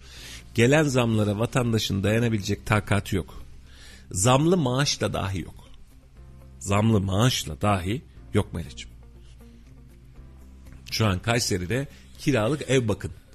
Oturulabilecek bir evi 2000 lira bandından aşağı bulabiliyor musunuz? Bulamıyor musunuz? Suriyelilerin oturmuş olduğu evler dahi kötü oldukları için söylüyorum. Suriyeliler üzerinde söylemiyorum. Hani ya bu civarda evler dahi şu an 1000, 1200, 1500 lira bandına doğru çıkmış durumda. Ve siz diyorsunuz ki asgari ücret al, sen bununla yaşa. Yetmez. İki asgari ücret al canım. Evde iki kişi çalışsın yenge hanım niye boş duruyor? Çalışsın. Yapın hesabınızı. İki kişiyi asgari ücretle çalıştırın. Çocuğu da kreşe gönderin. Kirayı düşün, masrafları düşün, rutinleri düşün. İşin içinden siz çıkabiliyorsanız buyurun gelin. Kardeşim maaş almış. Yani ekstrası hariç işte yeni gelecek yani 6500-7000 lira maaş geliyor eline. Ben nasıl geçineceğim bununla diyor. Bir an şaka yapıyor zannettim. Oturdu hesabı çıkarttı. Vallahi doğru. Vallahi doğru. Ev abi ev geçinecek. Meriç'im sen söylüyorsun. İki tane yani e, eve maaş giriyor. Başka masraf yok. Yani evde böyle sulu yemek pişmek zorunda değil, et pişmek zorunda değil. Doğru mu kardeşim? Deli gibi çamaşır çıkmıyor. Eve temizlikçi vesaire aman demiyorsun. Yani yani bir, bir, bir anlamda bir level daha rahatsın. Ucu ucuna zor geliyor ay sonunda. E peki kabahati kimden bulacağız? Kabahati kime bulacağız? Ve memleketin hali ve tablosu bu. Ve bunu görmemek adına gözlerini kapatanlar, bunu görmemek adına hadi girmişken o konuya da geleyim. Sezen Aksu'ya kafayı takanlar, gündeme değiştirmek adına başka başka mevzulardan başka başka yerler çıkartanlara da ağzım ayrık seyrediyorum. Şimdi gelelim Sezen Aksu'ya. Adem'le Havva'ya cahil demiş. Doğru mu? Şarkının sözünde böyle demiş. Şarkı sözlerindeki örneklerde biz normal bir şarkı sözü gördük mü? Arabesk dinlerken filan bile bazen hocalar derdi bunlar dinlemeyin oğlum bunlar insan dinden çıkartır filan derdi. Doğru mu? Yani sevdiğini böyle ulvileştiren, onun için öleceğini söyleyen, ibadetinin o olduğu söyleyen mesela yani tonla böyle şarkı sözleri var. Şimdi döndük Sezer'e. Adem'le Havva'ya cahil demiş. Çok tartışması var. Herkes topa giriyor. İşte Kur'an'da aslında böyle yazıyor da buradan böyle yani bunu toplamaya çalışan bunun tersini de savunmaya çalışan Aynen. insanlar var. Toplarken Değerli kardeşlerim. Şey yapan. Değerli kardeşlerim, değerli insanlık, değerli dinleyicilerim. Sanatçılara niye misyon yüklüyorsunuz? Herhangi bir sanatçının çıkıp da ola ki eskaza bir zamanda yaptığı siyasal açıklamanın arkasına düşmek neyse, sanatçıyı toplum önderi haline getirtebilmek neyse, bu bahsettiğim ses sanatçısı. Sanatçının şarkı sözünden de bir gündem yaratmaya çalışmak tamamen bir garabettir. Şarkıyı yazmış koymuş ortaya. Dinlemezsin nokta. Albümünü almazsın bitti. Konserine gitmezsin bitti. Var mı daha ötesi? Sosyal medyadan tepki gösterebiliriz. Bitti. Bitti ya. Şu an ülke gündemi haline getirmenin anlamı nedir? Şimdi Sezen Aksu'yu sevenler var, sevmeyenler var. Çok özür diliyorum hiç kimse kusuruma bakmasın. Bizim jenerasyonun gençliği, çocukluğu seçim şarkıları dahil olmak üzere Sezen Aksu'yla geçti. Yaşayan bir efsane kadın. Kim ne derse desin. Şarkı sözleriyle, sesiyle, müziğiyle, bestesiyle. Bir Allah'ın kulu tersini söyleyebiliyorsa söylesin. Şimdi tüm bu materyalleri alacaksın. Sen bunu dedin diye defe koyup oynatacaksın. Hayırdır? Biz bu kadınla büyüdük. Yalan yok. Hangi Sezen şarkısını, hangisini mırıldansak, hangisini kim bilmiyor? Allah rızası için. Nilüferler, Kayahanlar, Sezenler bunlar bu jenerasyonun sanatçıları. Ve bu insanlar müzik yapmış. Bunu yaparken şunu yapmamış. Senin dinine, kitabına, Kur'an'ına vesaire çıkıp aleni olarak küfür etmemiş. Şarkının sözün içerisinde var. Söz böyle yazılmış. Kendi yazmış, başkası yazmış. Bunun detayına bile bakmadım. Bir şarkı yapılmış. Bu kadar. Sen şimdi buna bunu söylüyorsun. Senin rapçi şarkıcıların çıkıyor. Bak rapçiler var ya yeni nesil rapçiler. Sabah akşam küfrediyor. Uyuşturucuyu özendiren. Uyuşturucuyu özendiriyor. Sen küfrederken hatta klipleri yayınlarken televizyonlarda bipleterek yayınlıyorsun. Öyle normal filan küfretmiyor. Ana avrat dümdüz gidiyor. Bu adamları ağzımızı açmıyoruz.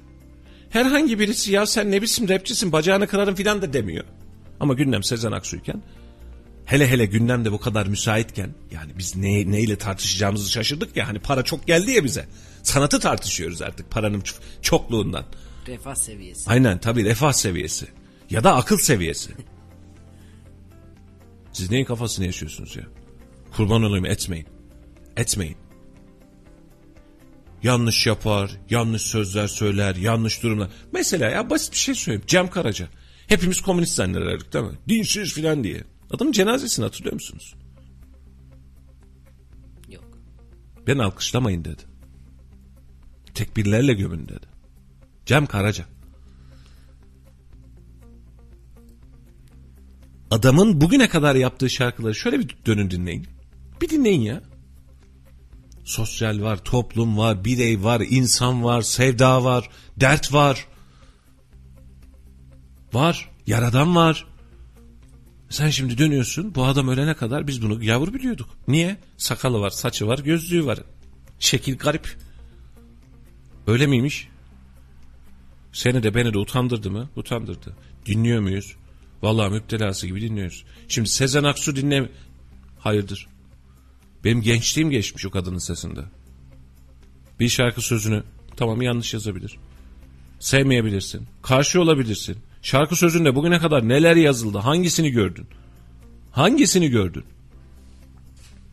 Ama sonrasında dönüp bakıyorsun hiçbir şey olmamış gibi tek gündemimiz buraymış gibi herkesin bu konuda sözü var. Meclis grup toplantısında Devlet Bahçesi serçesi serçeliğini bil diyor kuzgunluğa kalkışma diyor. Hayda. Gündemimiz bu mu Devlet Bey? Kurban olayım gündemimiz bu mu?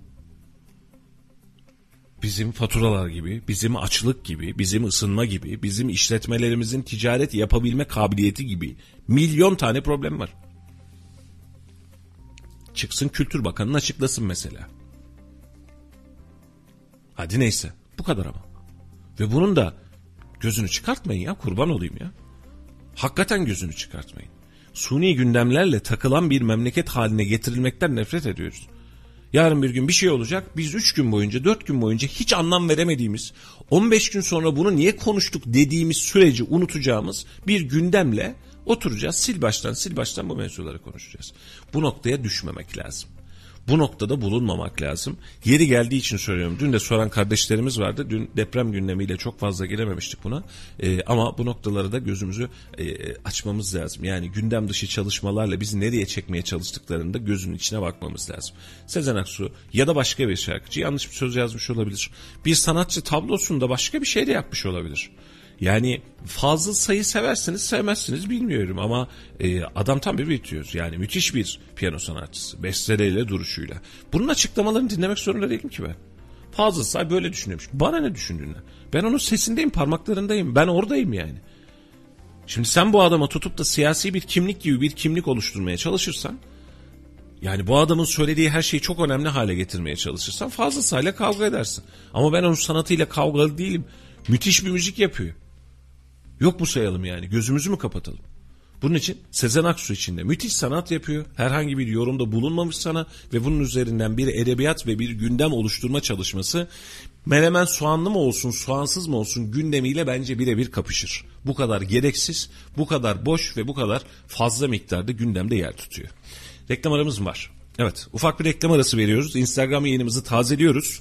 Ve yeniden buradayız. Güzel bir karlı Kayseri sabahında e, yayınımız devam edecek saat 9'a kadar bir yerlere ayrılın. Radyo Radar yol açık devam ediyor. Efendim 91.8 Radyo Radar'dan hepinize yeniden selamlar merhabalar. Yayınımızı tazeledik. Instagram yayınımızı tazeledik. Ufak bir reklam arası verdik ve yeniden buradayız. Saat 9'a kadar da burada olmaya devam edeceğiz.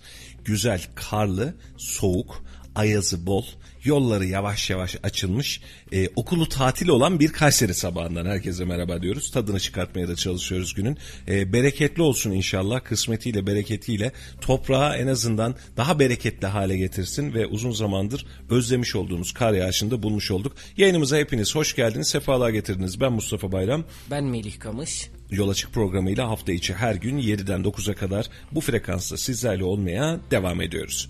Evet Melih'ciğim konular, gündemler, ağır basanlar derken şimdi ufak bir sosyal medya gezintisi yaptım. Belediye başkanlarımız canlı yayınlar açmışlar. Bak kar çalışmalarında devam ediyoruz diye. E, her biri ayrı ayrı noktalarda kar çalışmalarının içerisinde şimdi, izlemişler. Yok sabah saat yani gece saatleri itibariyle böyle bir e, operasyon yapmışlar. Sosyal medyada bak biz işimizin başında izlemişler. Ellerine emeklerine sağlık. Yollar kapansın diye mücadele etmiyorlar tam tersine açılsın diye mücadele ediyorlar. E, bir şeyler yapılmaya çalışılıyor eller ve imkanlar ölçüsünde. E, kızdığımız nokta bazen sadece şu oluyor. E, tedbirsiz davranmak oluyor. Bir önceki kar yağışında ani buzlanma sebebiyle yaşadığımız gibi. Hani bunu hesap etmek ya da meteorolojinin bu anlamda uyarması gerektiğini söylemiştik. Ama şu an itibariyle şehrin yolları sabah saatleri için söylüyorum. Akşam saatleri için değil. Sabah saatleri itibariyle açık. Ana arterler açık. Ellerine emeklerine sağlık. Başkanlardan daha öte başkanların nezdinde tabii ki önemli. Ama e, o çalışan kardeşlerim kardeşlerimiz, karayollarında çalışan kardeşlerimiz, yol açmaya çalışan kardeşlerimiz geceden beri de dün akşamdan beri de mesaisini bitirmeksizin devam ediyor. Onlara da ayrı ayrı teşekkür ediyoruz. Emeklerine sağlık diyoruz. Yolların şehrin ana arterleri şu an itibariyle açık. E, ara noktalarda ise Ara yollarda ise kapanmalar yani daha doğrusu buzlu karlı havalar mümkün. Vatandaşlarımızın da bu anlamda biraz daha sabırlı olmasını e, tavsiye ediyoruz. Çünkü e, yağan kar az bir kar yağmadı bu süreci birazcık daha beklemek lazım. Dün karın tabi ulaşıma da kapandı araçlarda zorluk e, çekerken vatandaşların da karın keyfini çıkardığını gördük. Özellikle Talas Anayurt'ta bir parkın üstünde yapılan eğlenceler vardı. Talas Belediyesi de paylaşmış sabah saatlerine baktığımda. Güzel eğlenceli bir görüntüydü. Özellikle pandemi döneminde geride bırakırken özlediğimiz kar havasında özlediğimiz görüntülere kavuşmuş olduk. Karın keyfini çıkartanlar da vardı. Özellikle çocuklar kayarken görüntülerini de gördüm. Arayıp da bulamadıkları. Güzel olmuş. Gaziantep'ten bir haber var. Evet. Gaziantep'te etkili olan kar yağışı nedeniyle il dışına araç çıkışı durdurulmuş.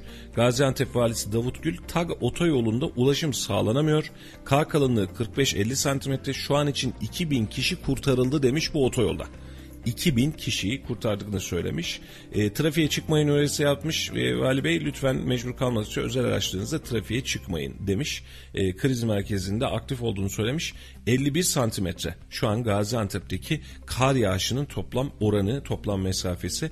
E, şehir bölgeye e, kara teslim. E, otoyol kapalı ama 2000 kişi de otoyolun kapalı olan otoyoldan kurtarılmış durumda. E, 50 ilde toplamda Türkiye'de okullar tatil edilmiş. 50 il yani kar Türkiye'yi e, kuşattı, hapsetti desek yeridir. Hani bazen öyle haberler yapılır. Kara kar, kış filan diye. Yok hamdolsun çok şükür yağacak. Bereketiyle de gelecek. İstanbul'da kar yağışı e, dün akşam itibariyle e, E5 dahil olmak üzere her yerde mümkündü. O da e, olumsuz etkiledi. Ulaşımı da İstanbul'da olumsuz etkiledi. Yani Türkiye kara teslim olmuş durumda. Şu saat itibariyle meteorolojideki gelen son verileri bir istersen yeniden bir kontrol edelim. E, acaba yağış durumumuz ne diye. En son dün akşam yayınladığımız animasyonda da göstermiştik. Kar yağışı sabah saatleri itibariyle duracak ve sonrasında da olmayacak demiştik. Şu an itibariyle baktığımızda evet doğuya doğru devam eden kar kütleleri var. E, şu an kendi bulunduğumuz orta bölgede Akdeniz'den e, bu kısma kadar kar yağışı etkisini yitiriyor. Şu an Karadeniz bölgesinde Marmara'da kar yağışı etkili. İlerleyen dakikalarda Karadeniz bölgesinin de e, daha e, kuzeyine doğru kalıyor kar yağışı. Artvin, Rize, Trabzon civarında kalmış oluyor. E, diğer kısımlarda Ana, İç Anadolu dahil olmuş olmak üzere İstanbul dahil olmak üzere kar yağışı etkisini yitiriyor. Ama tabii ki beraberinde tipileme, e, buzlanma, donma gibi e, süreçleri de yaşayacağız görünüyor ve sıcaklık olarak da gerçekten tam anlamıyla e, Sibirya havasını yaşayacağız gibi e, sıcaklık hiçbir dönem için e, gün içerisinde de dahil olmak üzere eksiden artıya geçmiyor. E, gece boyunca da eksi derecelerin yoğun olacağı, donma olaylarının çok yoğun yaşanabileceğini de peşinen şimdiden e, vatandaşlarımıza söylemek lazım diye düşünüyorum Meriç'im. Dün e, Kahramanmaraş'ta çıkan bir petrol borusunun patlama haberi vardı. Sosyal medyada da çok konuşuldu. Maalesef bizi de üzen bir haber olmuştu. O yangın görüntüleri özellikle Kahramanmaraş'ın Pazarcık ilçesinde petrol boru hattında meydana gelen patlama sonrası çıkan yangın devam ediyordu. Ekiplerin müdahale ettiği yangınla ilgili Vali Ömer Faruk Coşkun'dan açıklama geldi. Coşkun yangının yerleşim yerlerini etkilemediği ve can kaybının yaşanmadığını belirtti. Hepimizin içine su serpen belki de can kaybının olmaması bizleri Çok mutlu şükür. eden haber oldu. Çok şükür. Tam böyle bir e, daha önceki yıllarda böyle belalı dönemlere denk geliriz. Böyle kar, kış, kıyamet, deprem vesaire üst üste. Allah göstermesin, Allah beterinden korusun. Dün müthiş bir e, depremle gece saatleri itibariyle Kayseri uyandı. Saat iki buçukta e, gerçekleşen 4.9 büyüklüğünde Sarıolan'da gerçekleşen bir depremle uyandık. Dün tüm günde radyomuzda da sosyal medyada bunu konuştuk aslında. Uzmanlarıyla da konuştuk, bizler de konuştuk. Bununla alakalı haberler yaptık. Önümüzdeki dönemde de bu haberleri devam edeceğiz. E, çünkü deprem hattımızın e, de, bir deprem hattının aktif olan kuşakların üzerinde bulunan bir şehirdeyiz. Belki e, çok risksiz gibi görünen bölgeler var ama çok riskli bölgelerimiz de var. Uzmanlarımız da bu konuyla alakalı açıklamalar yaptı gün içerisinde bunu da sizlere ulaştırmaya çalışacağız bu açıklamaları da. E, dün de e, dün yaşanan hadisenin sonrasında birkaç kez daha artçı sarsıntılar ve Sarıoğlan merkezi depremler de meydana geldi. Fayların oturması, fayların birbirini tetiklemesi de buna e, sebep oluyor. Dün bölgemizde de Niğde'de Yozgat'ta da gerek depremlerle gerek hissedilenlerle biz bu anı, bu süreci yaşamış olduk. Tüm bölgeye yeniden geçmiş olsun diyoruz. E, dünün gündemi net olarak buydu. Dünün gündemi buydu ama biraz da dikkat etmemiz lazım. Bu olayları çok manipüle eden vatandaşlar var. Bak şöyle olmuş. Benim bilmem neyin abisi e, Kandilli Rasathanesi'nde çalışıyormuş gibi. o da mı çıktı? Söyle, çıktı. Yani dün sayfaya gelen mesajlar var. Okuyorum ne? Gece saatlerinde yeniden Sarıoğlan'da büyük deprem bekleniyormuş. Paylaş Şimdi bunu, bunu. Bunu pandemi döneminin başlangıcında yaşamıştık. Daha Türkiye'de Covid yok. Bak daha Türkiye'de Covid yok. Şehir hastanesinde çalışan bir tanıdığım söyledi diyor. 500 kişi gelmiş diyor Covid'den diyor. Biz bunları yaşadık. Yani böyle dedi ki demiş ki benim bir arkadaşın kuzeninin dayısının emmisinin kızıymış filan diye getirdiğimiz hadiselerle sokak söylentilerini hatırlıyorsun 15 Temmuz dönemi sonrasında da bunu çok yaşamıştık. Pandemi döneminde de işte 5G'ler test edecek akşam tüm, iletişim duracak. Bunu seviyorlar. E, bunu e, troller de seviyor. Bunun edebiyatını yapmayı da seviyor. Bir de şöyle oluyor Meriç'im. E, eski dönemlerde şey var. Böyle duvarların arasında kağıt bulursun. İşte bunu 10 kişiye yaymazsan bundan dağıtmazsan sen şöyle olursun filan diye mecbur kalır dağıtırsın. Şimdi onun yeni jenerasyonu bu. Benim Kandilli Rasathanesi'ndeki tanıdığım yani yanlış anlamayın değerli dostlar kan, e, depremi sadece gerilimleri bilebilen jeofizik mühendisleri gerilimlere oluşabilecek risklerden bahsedebilir. Ama bunu hiçbir zaman için şu gün şu saatte deprem olacak diye veremez. Böyle bir teknoloji böyle bir imkan yok. Geçtik bunun korkusu bile gereksiz. Deprem her an olabilir. Şu dakika itibariyle bir saat sonra 3 yıl sonra bunu her an olabilir. Küçük ya da büyük depremler olabilir. Bizim depreme karşı genel itibariyle mukavemetli olmamız lazım. Tedbirli olmamız lazım. Yoksa birilerinin kurgusuyla kaygısıyla böyle bir dünyada yaşanmaz. Ee, ama dediğim gibi işte sosyal medyanın iyi yönlerinin yanında böyle de kötü yönleri var. Buna da inananlar var. Yetmiyor sosyal medyanın okudum yemin ederim deyip bunun üstüne yemin edenler var. Bunları yaşıyoruz. Yemin ederim abi ben biliyorum bunu diyor. Nereden biliyor sosyal medyadan ya? Allah aşkına bırak. Bunun için hep izleyicilerimize, dinleyicilerimize bunu söylerim. Sağlam kaynakları size asparagas haber vermeyen, yerli yersiz haber vermeyen, verdiği haberin arkasında durabilen, doğrulanmış haber verilebilen kaynakları takip etmekte fayda var. Bunları yaymakta fayda var. Güzel haberleri de yaymakta fayda var. Ama sadece birileri söyledi diye aa bak bu da olabilirmiş diye yaymaya başladığımız anda sosyal medya fenomenleri ve fenomen haberler ortaya çıkmış oluyor. Bu da hiç kimseye sağlık ve sıhhat vermemiş oluyor. Ya ellerine ne geçiyor ben anlamıyorum. Yani Keyif toplum zaten korkuyor. Bir de üzerine korku salıyorlar. Düşünsene sen bir şey atıyorsun. Ruh hastasısın zaten ve tüm Türkiye bunu konuşuyor. Ben bence mutlu olursun yani. Düşünsene bir şey söylüyorsun tüm Türkiye bunu konuşuyor. Ne kadar güzel ya filan diye. Aslı var o önemli değil. Ne, kadar güzel herkes beni konuşuyor. Seviyorlar bunu yani bu bakış açısını seviyorlar. Dikkatli olmakta fayda var. An itibariyle ufak bir piyasa haberlerini verelim. Ardından da istersen bir laf sokaklıya geçelim. Çünkü dün depremi sorduk. Bu kadar depremden konuşmuşken birazcık deprem e, vatandaş ne demiş ne kadar hazırız bir bunların e, kurgusuna bakalım. An itibariyle piyasa fiyatlarından bahsetmek istiyorum. Serbest fiyatı da 13.59 e, şu an itibariyle dolar kuru. E, Euro kuru 15.40 bir çeyrek altın 1306 lira olarak şu an itibariyle işlem yapıyor. Gram altında ise 798 liralık satış fiyatları var. Sabahta söylemiştik Brent petrol fiyatında çıldırmış gibi bir çıkış var. Şu an itibariyle 88 dolar 41 sent e, Brent petrol fiyatı. E, bu da yine bu hafta içerisinde yeni zamları görebileceğimiz anlamına geliyor. Çünkü Brent petrol tüm dünya genelinde uçuyor. E, bundan da bilgimiz olsun diyelim. Şimdi e, dönelim bir laf sokaktaya. Depremle alakalı vatandaşlarımız ne demiş? Ne kadar hazırız? Bir bunun laf sokakta ekibinin yaptığı röportajı e, görelim ardından yeniden buradayız. Çok kötüydü. Ee, o anda uyanıktım. Yani bir büyük girdi.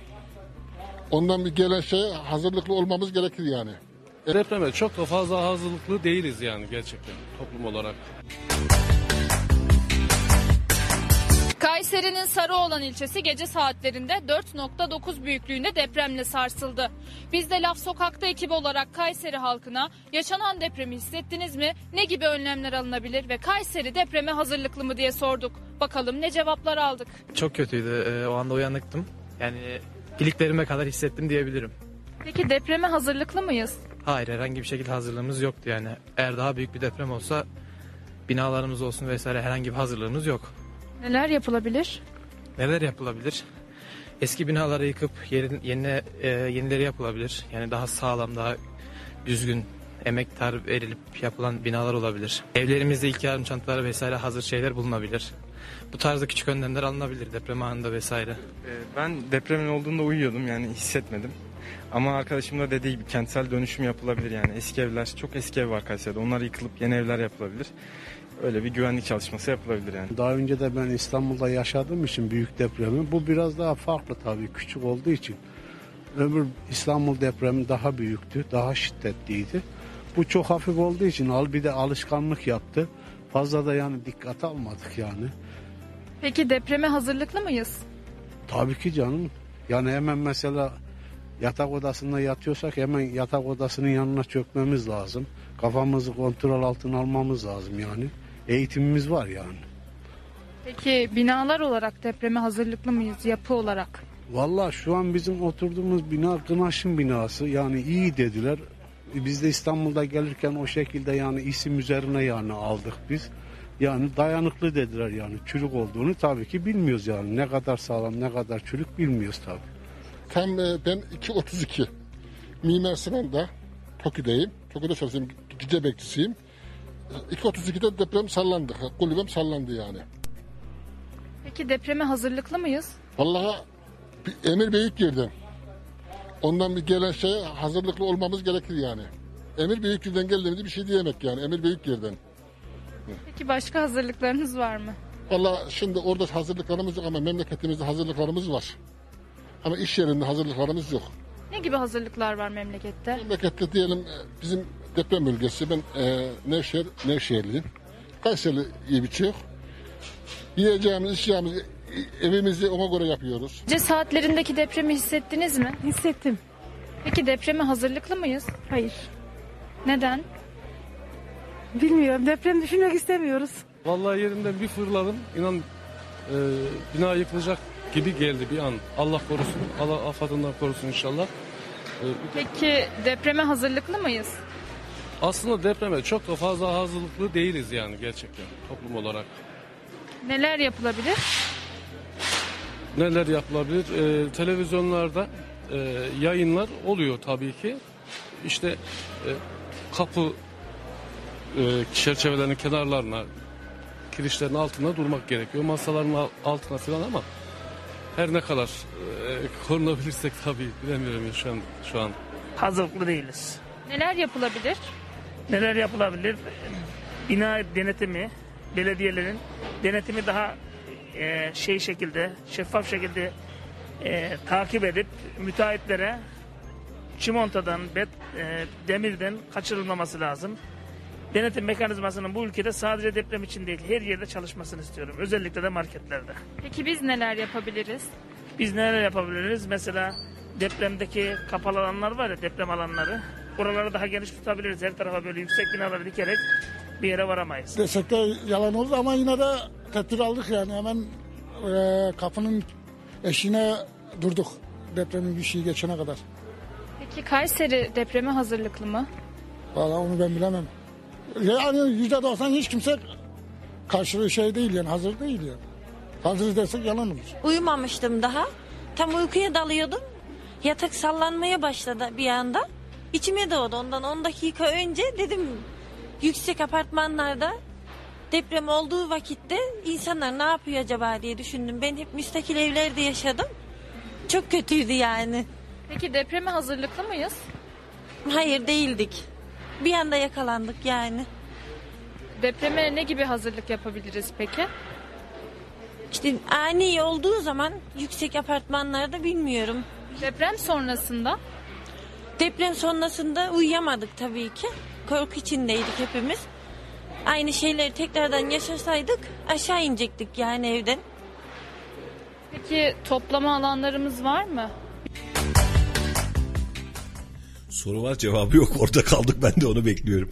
Efendim e, sokakta biz vatandaşa ne hissettiğini nasıl hissettiğini ve ne kadar hazırlıklı olduğumuzu sorduk. Vatandaş tabii ki bu anlamda kendince e, yorumladı kendince dertlendi çünkü herkesin e, gece saatleri itibariyle ben hiç duymadım diyenler bir de ben duydum ben bunu bizzat yaşadım diyenler arasında böyle bir derin bir çelişki içerisinde bir gelgit var. E, depremi yaşadık depremi de hep beraber hissetmiş olduk. E, Dün de konuşmuştuk. Bugün de aynısını söylemek istiyorum. Israrla da söylemek isteyeceğim.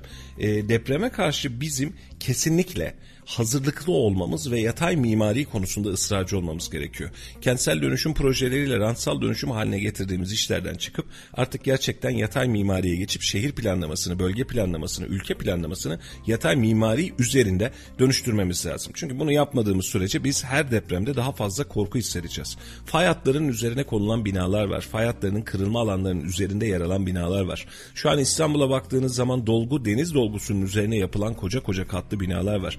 Bunlar yarın bir gün başımıza gelebilecek bir işlerde. Bugün para kazandırdığını düşünürüz, para harcattığını düşünürüz ama sonucunda ciddi anlamda her birimiz sıkıntı yaşarız.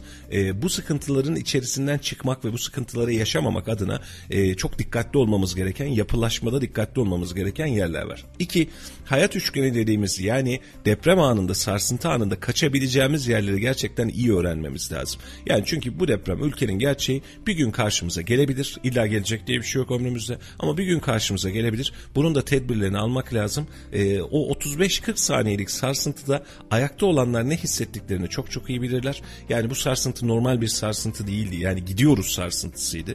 Hani eğer bu 35 saniye değil de 1 dakika 2 dakika sürebilecek bir sarsıntı olmuş olsaydı, daha kuvvetli bir sarsıntı olmuş olsaydı bugün bunları konuşacak halimiz dermanımız bile kalmıyor olabilirdi. Bunun için tedbirli olmakta, yapılaşmadaki çözümleri hızlandırmakta ve doğru çözümlere ulaşmakta, özellikle kentsel dönüşümde ulaşmakta e, fayda var diye düşünüyorum. Yeniden Kayserimize geçmiş olsun. Allah beterinden saklasın. Rabbim bir daha göstermesin. Ama bu ülkede yaşadığımızı bir kez daha hissettik. Deprem kuşağında yaşadığımızı bir kez daha hissetmiş olduk. Dikkatli olmakta ve tedbirli olmakta fayda var diye düşünüyoruz. Hem kamu alanında, mimari alanında tedbirli olmalıyız hem de bireysel anlamda tedbirimizi arttırmalıyız. Evet. Kaç e, sorduk. Gelen cevaplardan bir tane kişi çıkıp da ben hazırlıklıyım kardeşim ne olursa olsun. Sonuna kadar benim hazırlığım tam. Gelecek afetlere karşı da hiçbir şey yapamam. Doğaldır, afettir, gelebilir ama hazırlığımızı ben bireysel olarak yaptım diyen kimseyi duyamadık. Bu da üzücü. Evet. O yüzden biraz da vatandaşlar olarak bizlerin bilinçlenmesi lazım. Bu konuda da biraz daha hassas olursak toplumumuz adına bireysel olarak çok faydalı olacak. Daha sağlıklı sonuçlar çıkartacağız gibi görünüyor. Dün asayişsel olarak da Kayseri'de bir e, olay yaşandı adliye çıkışında. E, hikayesi kötü. Bir e, taciz davası var. E, taciz davasının sonunda ceza alıyor şahıs. E, anlaşıldığı kadarıyla sonradan çıktı bilgiler. E, gencecik bir arkadaş aslında. E, eşi ve çocuğuyla beraber mahkemeden ayrılırken e, bir grup tarafından silahlı saldırıya uğruyor ve arabanın içerisinde ağır yaralanıyor. Son durumu almadım ama durumu gerçekten ağırdı. E, geçmiş olsun diliyoruz. E, ama şehir ortasında güpe gündüz gündüz gözüyle adliyenin önünde yaşanabileceğin, yaşanabilen bir olayda e, ciddi anlamda akıllarımızda güvenlik noktasında soru işaretlerini bırakıyor. Şehirdeki bireysel silahlanmaya, silahlanmanın artması konusundaki sancıya da bir kez daha dikkat çekmemiz gerekiyor belki de. Önceki dönemlerde şimdi gazeteci arkadaşlarımız anlatıyorlar, biliyorlar. Önceki dönemlerde şehrin muhtelif yerlerinde bazen ansızın böyle tesadüfi kontroller üst aramalar olurdu. Ve bu anlamda şahısların üzerindeki bıçak, silah dahil olmak üzere hem el konulur hem de bununla alakalı işlem yapılırdı. Bu anlamda sıkıştırılmış bir pozisyon oluştururduk. Yani şehirde herhangi bir insanın belinde ruhsatsız bir silahla gezmesi e, çok makul bir tavır değildi ve bunlar olmazdı. Sadece Kayseri üzerinden bahsetmem ama Kayseri'de de bu dönemde yoğun. Şimdi son yaşadığımız 3 kişinin hayatını kaybettiği Güpe Gündüz daha hala zanlısının yakalanmadığı e, ve beraberinde bu dünkü çatışmada da aynı şey söz konusu. E, bunlar sancılı işler, bunlar sıkıntılı işler, bunlar karanlık işler ve güvenlik güçlerimizin e, ve inisiyatiflerimizin bu anlamda silahlanmayla alakalı, bireysel silahlanmayla, ruhsatsız silahlanmayla alakalı ki sadece silahtan bahsetmiyorum. Bakın bıçak da aynı tavra denk gelmiş oluyor. İnsanlar üzerinde ekmek bıçağıyla geziyor. Yani bu konuda cidden derin tedbirler almaya ihtiyacımız var. Ee, yoksa sokak ortasında işlenen cinayetlerin, vahşetlerin daha fazlasını görebileceğiz gibi görünüyor. Bu konuda kesin, keskin tedbirleri, tavırlara ihtiyacımız var. Dahası bıçak satan esnafın dahi yani düşünsene adam av malzemesi satıyor orada bıçak da var vesaire de var. Yani herkes elini kolunu giderek sallayarak bunu alamamalı. Ee, işte e, diğer türlü 18 yaş altı çocuklarda bu satış kesinlikle kontrol edilmeli. Ee, sıkıntılarımız var. Ve vatandaşa dönen, sokağa dönen eylemsel sıkıntılara e, doğru gidiyor. E, dün çok üzücüydü. Yani yaşı da genç 87 doğumlu bir arkadaştan bahsediyoruz. Genç yaşta bir arkadaş. E, bir mahkeme sonucu mahkemenin sonucunu beğenmemesi adına nereden koyarsanız koyun. Yani bunu namus cinayetine çevirseniz de çok fazla bir şey fark etmiyor. Sokak ortasında ailesinin yanında, kızının ve eşinin yanında bir adamı arabanın içerisinde e, silahla ateş ederek avlıyorsunuz. Yani vuruyorsunuz. E, çok güzel bir tablo değildi. Şehir içinde ürkütücü bir tabloydu. E, Teksas'ı geçtik diyorlar ya. Yani Teksas'takiler şu an kıskanıyorsa herhalde şaşırmam. Lan bizde yok bu kadar olay eylem ne oluyor burada filan derlerse şaşırmam. Çok fazla silahlı, bıçaklı, yaralama, ölüm, kaza bunları çok fazla yaşamaya başladık. E, zannedersem silah kontrolü yaparak ruhsatsız silahların kontrollerini yaparak bunlarla alakalı başka bir operasyon geliştirerek bu miktar bir miktar bu süreci rahatlatabiliriz diye düşünüyorum. Şu an bireysel silahlanma bazında herkes çok ucuz fiyatlara, çok rahat bir şekilde silaha ulaşabiliyor, bunu üzerinde taşıyabiliyor. Bununla alakalı yanında, aracında, evinde vesaire taşıyabiliyor ve bunları kullanmaya da yeltenebiliyor. Yani e, poligonlarda atış yapan insanların elindeki silahlar ruhsatlı mı değil mi bunlara dahi bakmamız lazım bizim. Hani açık alanda vesaire atış yapanların dahil olmak üzere. Bu riskli metanetli bir iş. Eğer silahlandırmayı bu kadar fazla arttırırsanız adaleti insanlar kendileri sağlamaya çalışırsa karşımıza çıkan tabloda bu olacak. Bunun daha beterini daha fazlasını da yaşayacağız gibi görünüyor. E, bunun için yetkililerin de bu anlamda cidden tedbir almasına ihtiyacımız var. Özellikle silahlanmayla alakalı e, kesin, katı, net tedbirlere ihtiyacımız var. Yoksa çok fazla miktarda canımız yanacak bu konuda. Ki yanıyor da gördüğümüz zaman bizler de üzülüyoruz. Şehrin göbeğinde olan bu olay hepimizi etkiliyor. Geçmiş olsun diyelim. Sayfamıza gelen haberler var. Kuzey çevre yolu buzlanma var. Sürücüler dikkatli olsun demişler. Ee, buzlanma genel itibariyle şehrin yollarında mümkün. Yer yer açılmalar, yer yer yeniden buzlanmalar var. Hava şartları bu anlamda çok soğuk. Erciyes yolu sıkıntılı. Dikkatli olmakta fayda var. Kışlık lastiği olmayan arkadaşlarımızın kesinlikle yola çıkmamasını ısrarla tavsiye ediyoruz. Kışlık lastiğiniz yoksa evden bile çıkmayın. Gidecekseniz toplu taşımayı kullanın. Çünkü kışlık lastik bu anlamda bu havalarda gerçekten bir anlamda bir tedbir. Beraberinde kışlık lastiğiniz olsa bile hıza, kurallara riayet etmenize fayda var. Sıkıntılı geçebilecek süreçler yaşamamak adına, kaza bile yaşamamak adına şehirde bu kar ikliminin geçeceği güne kadar birazcık daha tedbirli e, davranalım diyorum. E, trafik ekiplerinde de aynı mantıkta kışlık lastik kontrolünü genellikle yaparlardı. Şimdi kanuni olarak şehir içindeki araçlarda mecburiyet kalmadı. Sadece ticari araçlarda mecburiyet var.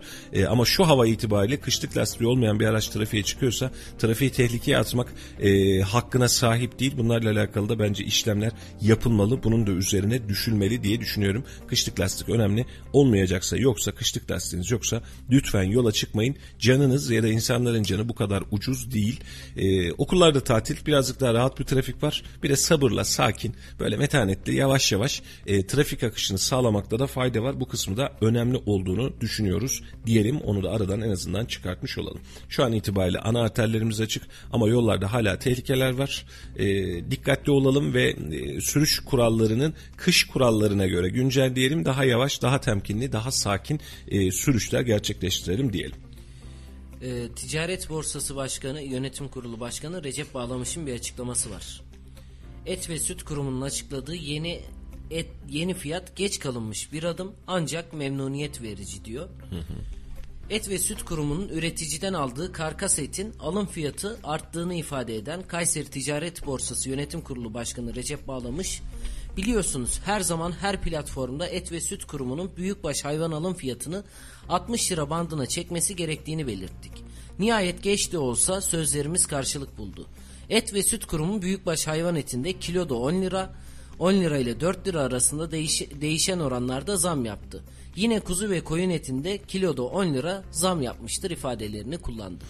Hayırlı uğurlu olsun. Çiftçimizin bu dönem desteklenmesi ve sattığı ürünün karlılığını oluşturması gerekiyor. Bu anlamda et, süt fiyatlarındaki artış evet bizim cebimizi yakacak belki ama çiftçimizi en azından yem karşısında, gübre karşısında bir miktar daha rahatlatacak diye düşünüyorum. Bu arada arkadaşlarımız göndermiş gece saatleri itibariyle Sarıolan'da 3 şiddetinde bir deprem daha meydana gelmiş. Ee, sarı olan sallanıyor. Bu fay hattı tetikliyor birbirini. Ara dönemlerde enerji boşalmaları yaşayacaktır. Belki yeniden de sallanabiliriz. Ee, dediğimiz gibi yapabileceğimiz tek şey şu an itibariyle oturup e, işimizi düzgün yapmaya çalışmak. Şimdi birkaç tane spot haber var. Bunları geçmek istiyorum. İzninle yayınımızın sonuna geleceğiz çünkü sabah gündeme aldık ama arada konuşurken unutuyoruz. Rasim Arı, eski Nevşehir Belediye Başkanı AK Parti'den istifa etti ve bunu da bir açıklamayla bildirdi. Ee, biz e, o iletişimi kuramıyoruz artık yereldeki insanlarla. Ben görev yani partimden de istifa ediyorum dedi. Aslında beklenilen bir süreçti. Ee, Rasim Arı'nın ismi farklı yerlerde, farklı partilerle de anılıyordu. Yeni dönemde siyasetin içerisinde olacağıyla alakalı. Tabii önümüzdeki günler daha rahat gösterecek ama AK Parti'den istifa ederek tamam ben artık çıktım buradan. Ben başka partilere geçebilirim e, hadisesine geldi. Rasim Arı'yı her ne kadar e, parti görevden almış gibi de olsa, istifa ettirmiş gibi de olsa e, toplam itibariyle baktığınız zaman Nevşehir halkında Nevşehir tarafında bir hala bir teveccühü var. Kendisine ait bir kitle var. İlginç bir başkan modeliydi. ilginç bir başkan tipiydi. Erciyes açıklamalarıyla biz bunu biliyoruz ama içeride sosyal medya kullanımı insanlarla, vatandaşlarla hali hazırdaki duruşları vesaire itibariyle bir popülerliği vardı. E, Nevşehir'de önümüzdeki dönemde Rasim Arı etkisiyle başka yenilikler, başka güncellemeler olabilir. Önümüzdeki günlerde de yine takipte kalacağız Rasim Arı'yı. E, başka bir haberimiz daha vardı gözümden kaçan e, neyden bahsedecektik onu çıkarttım.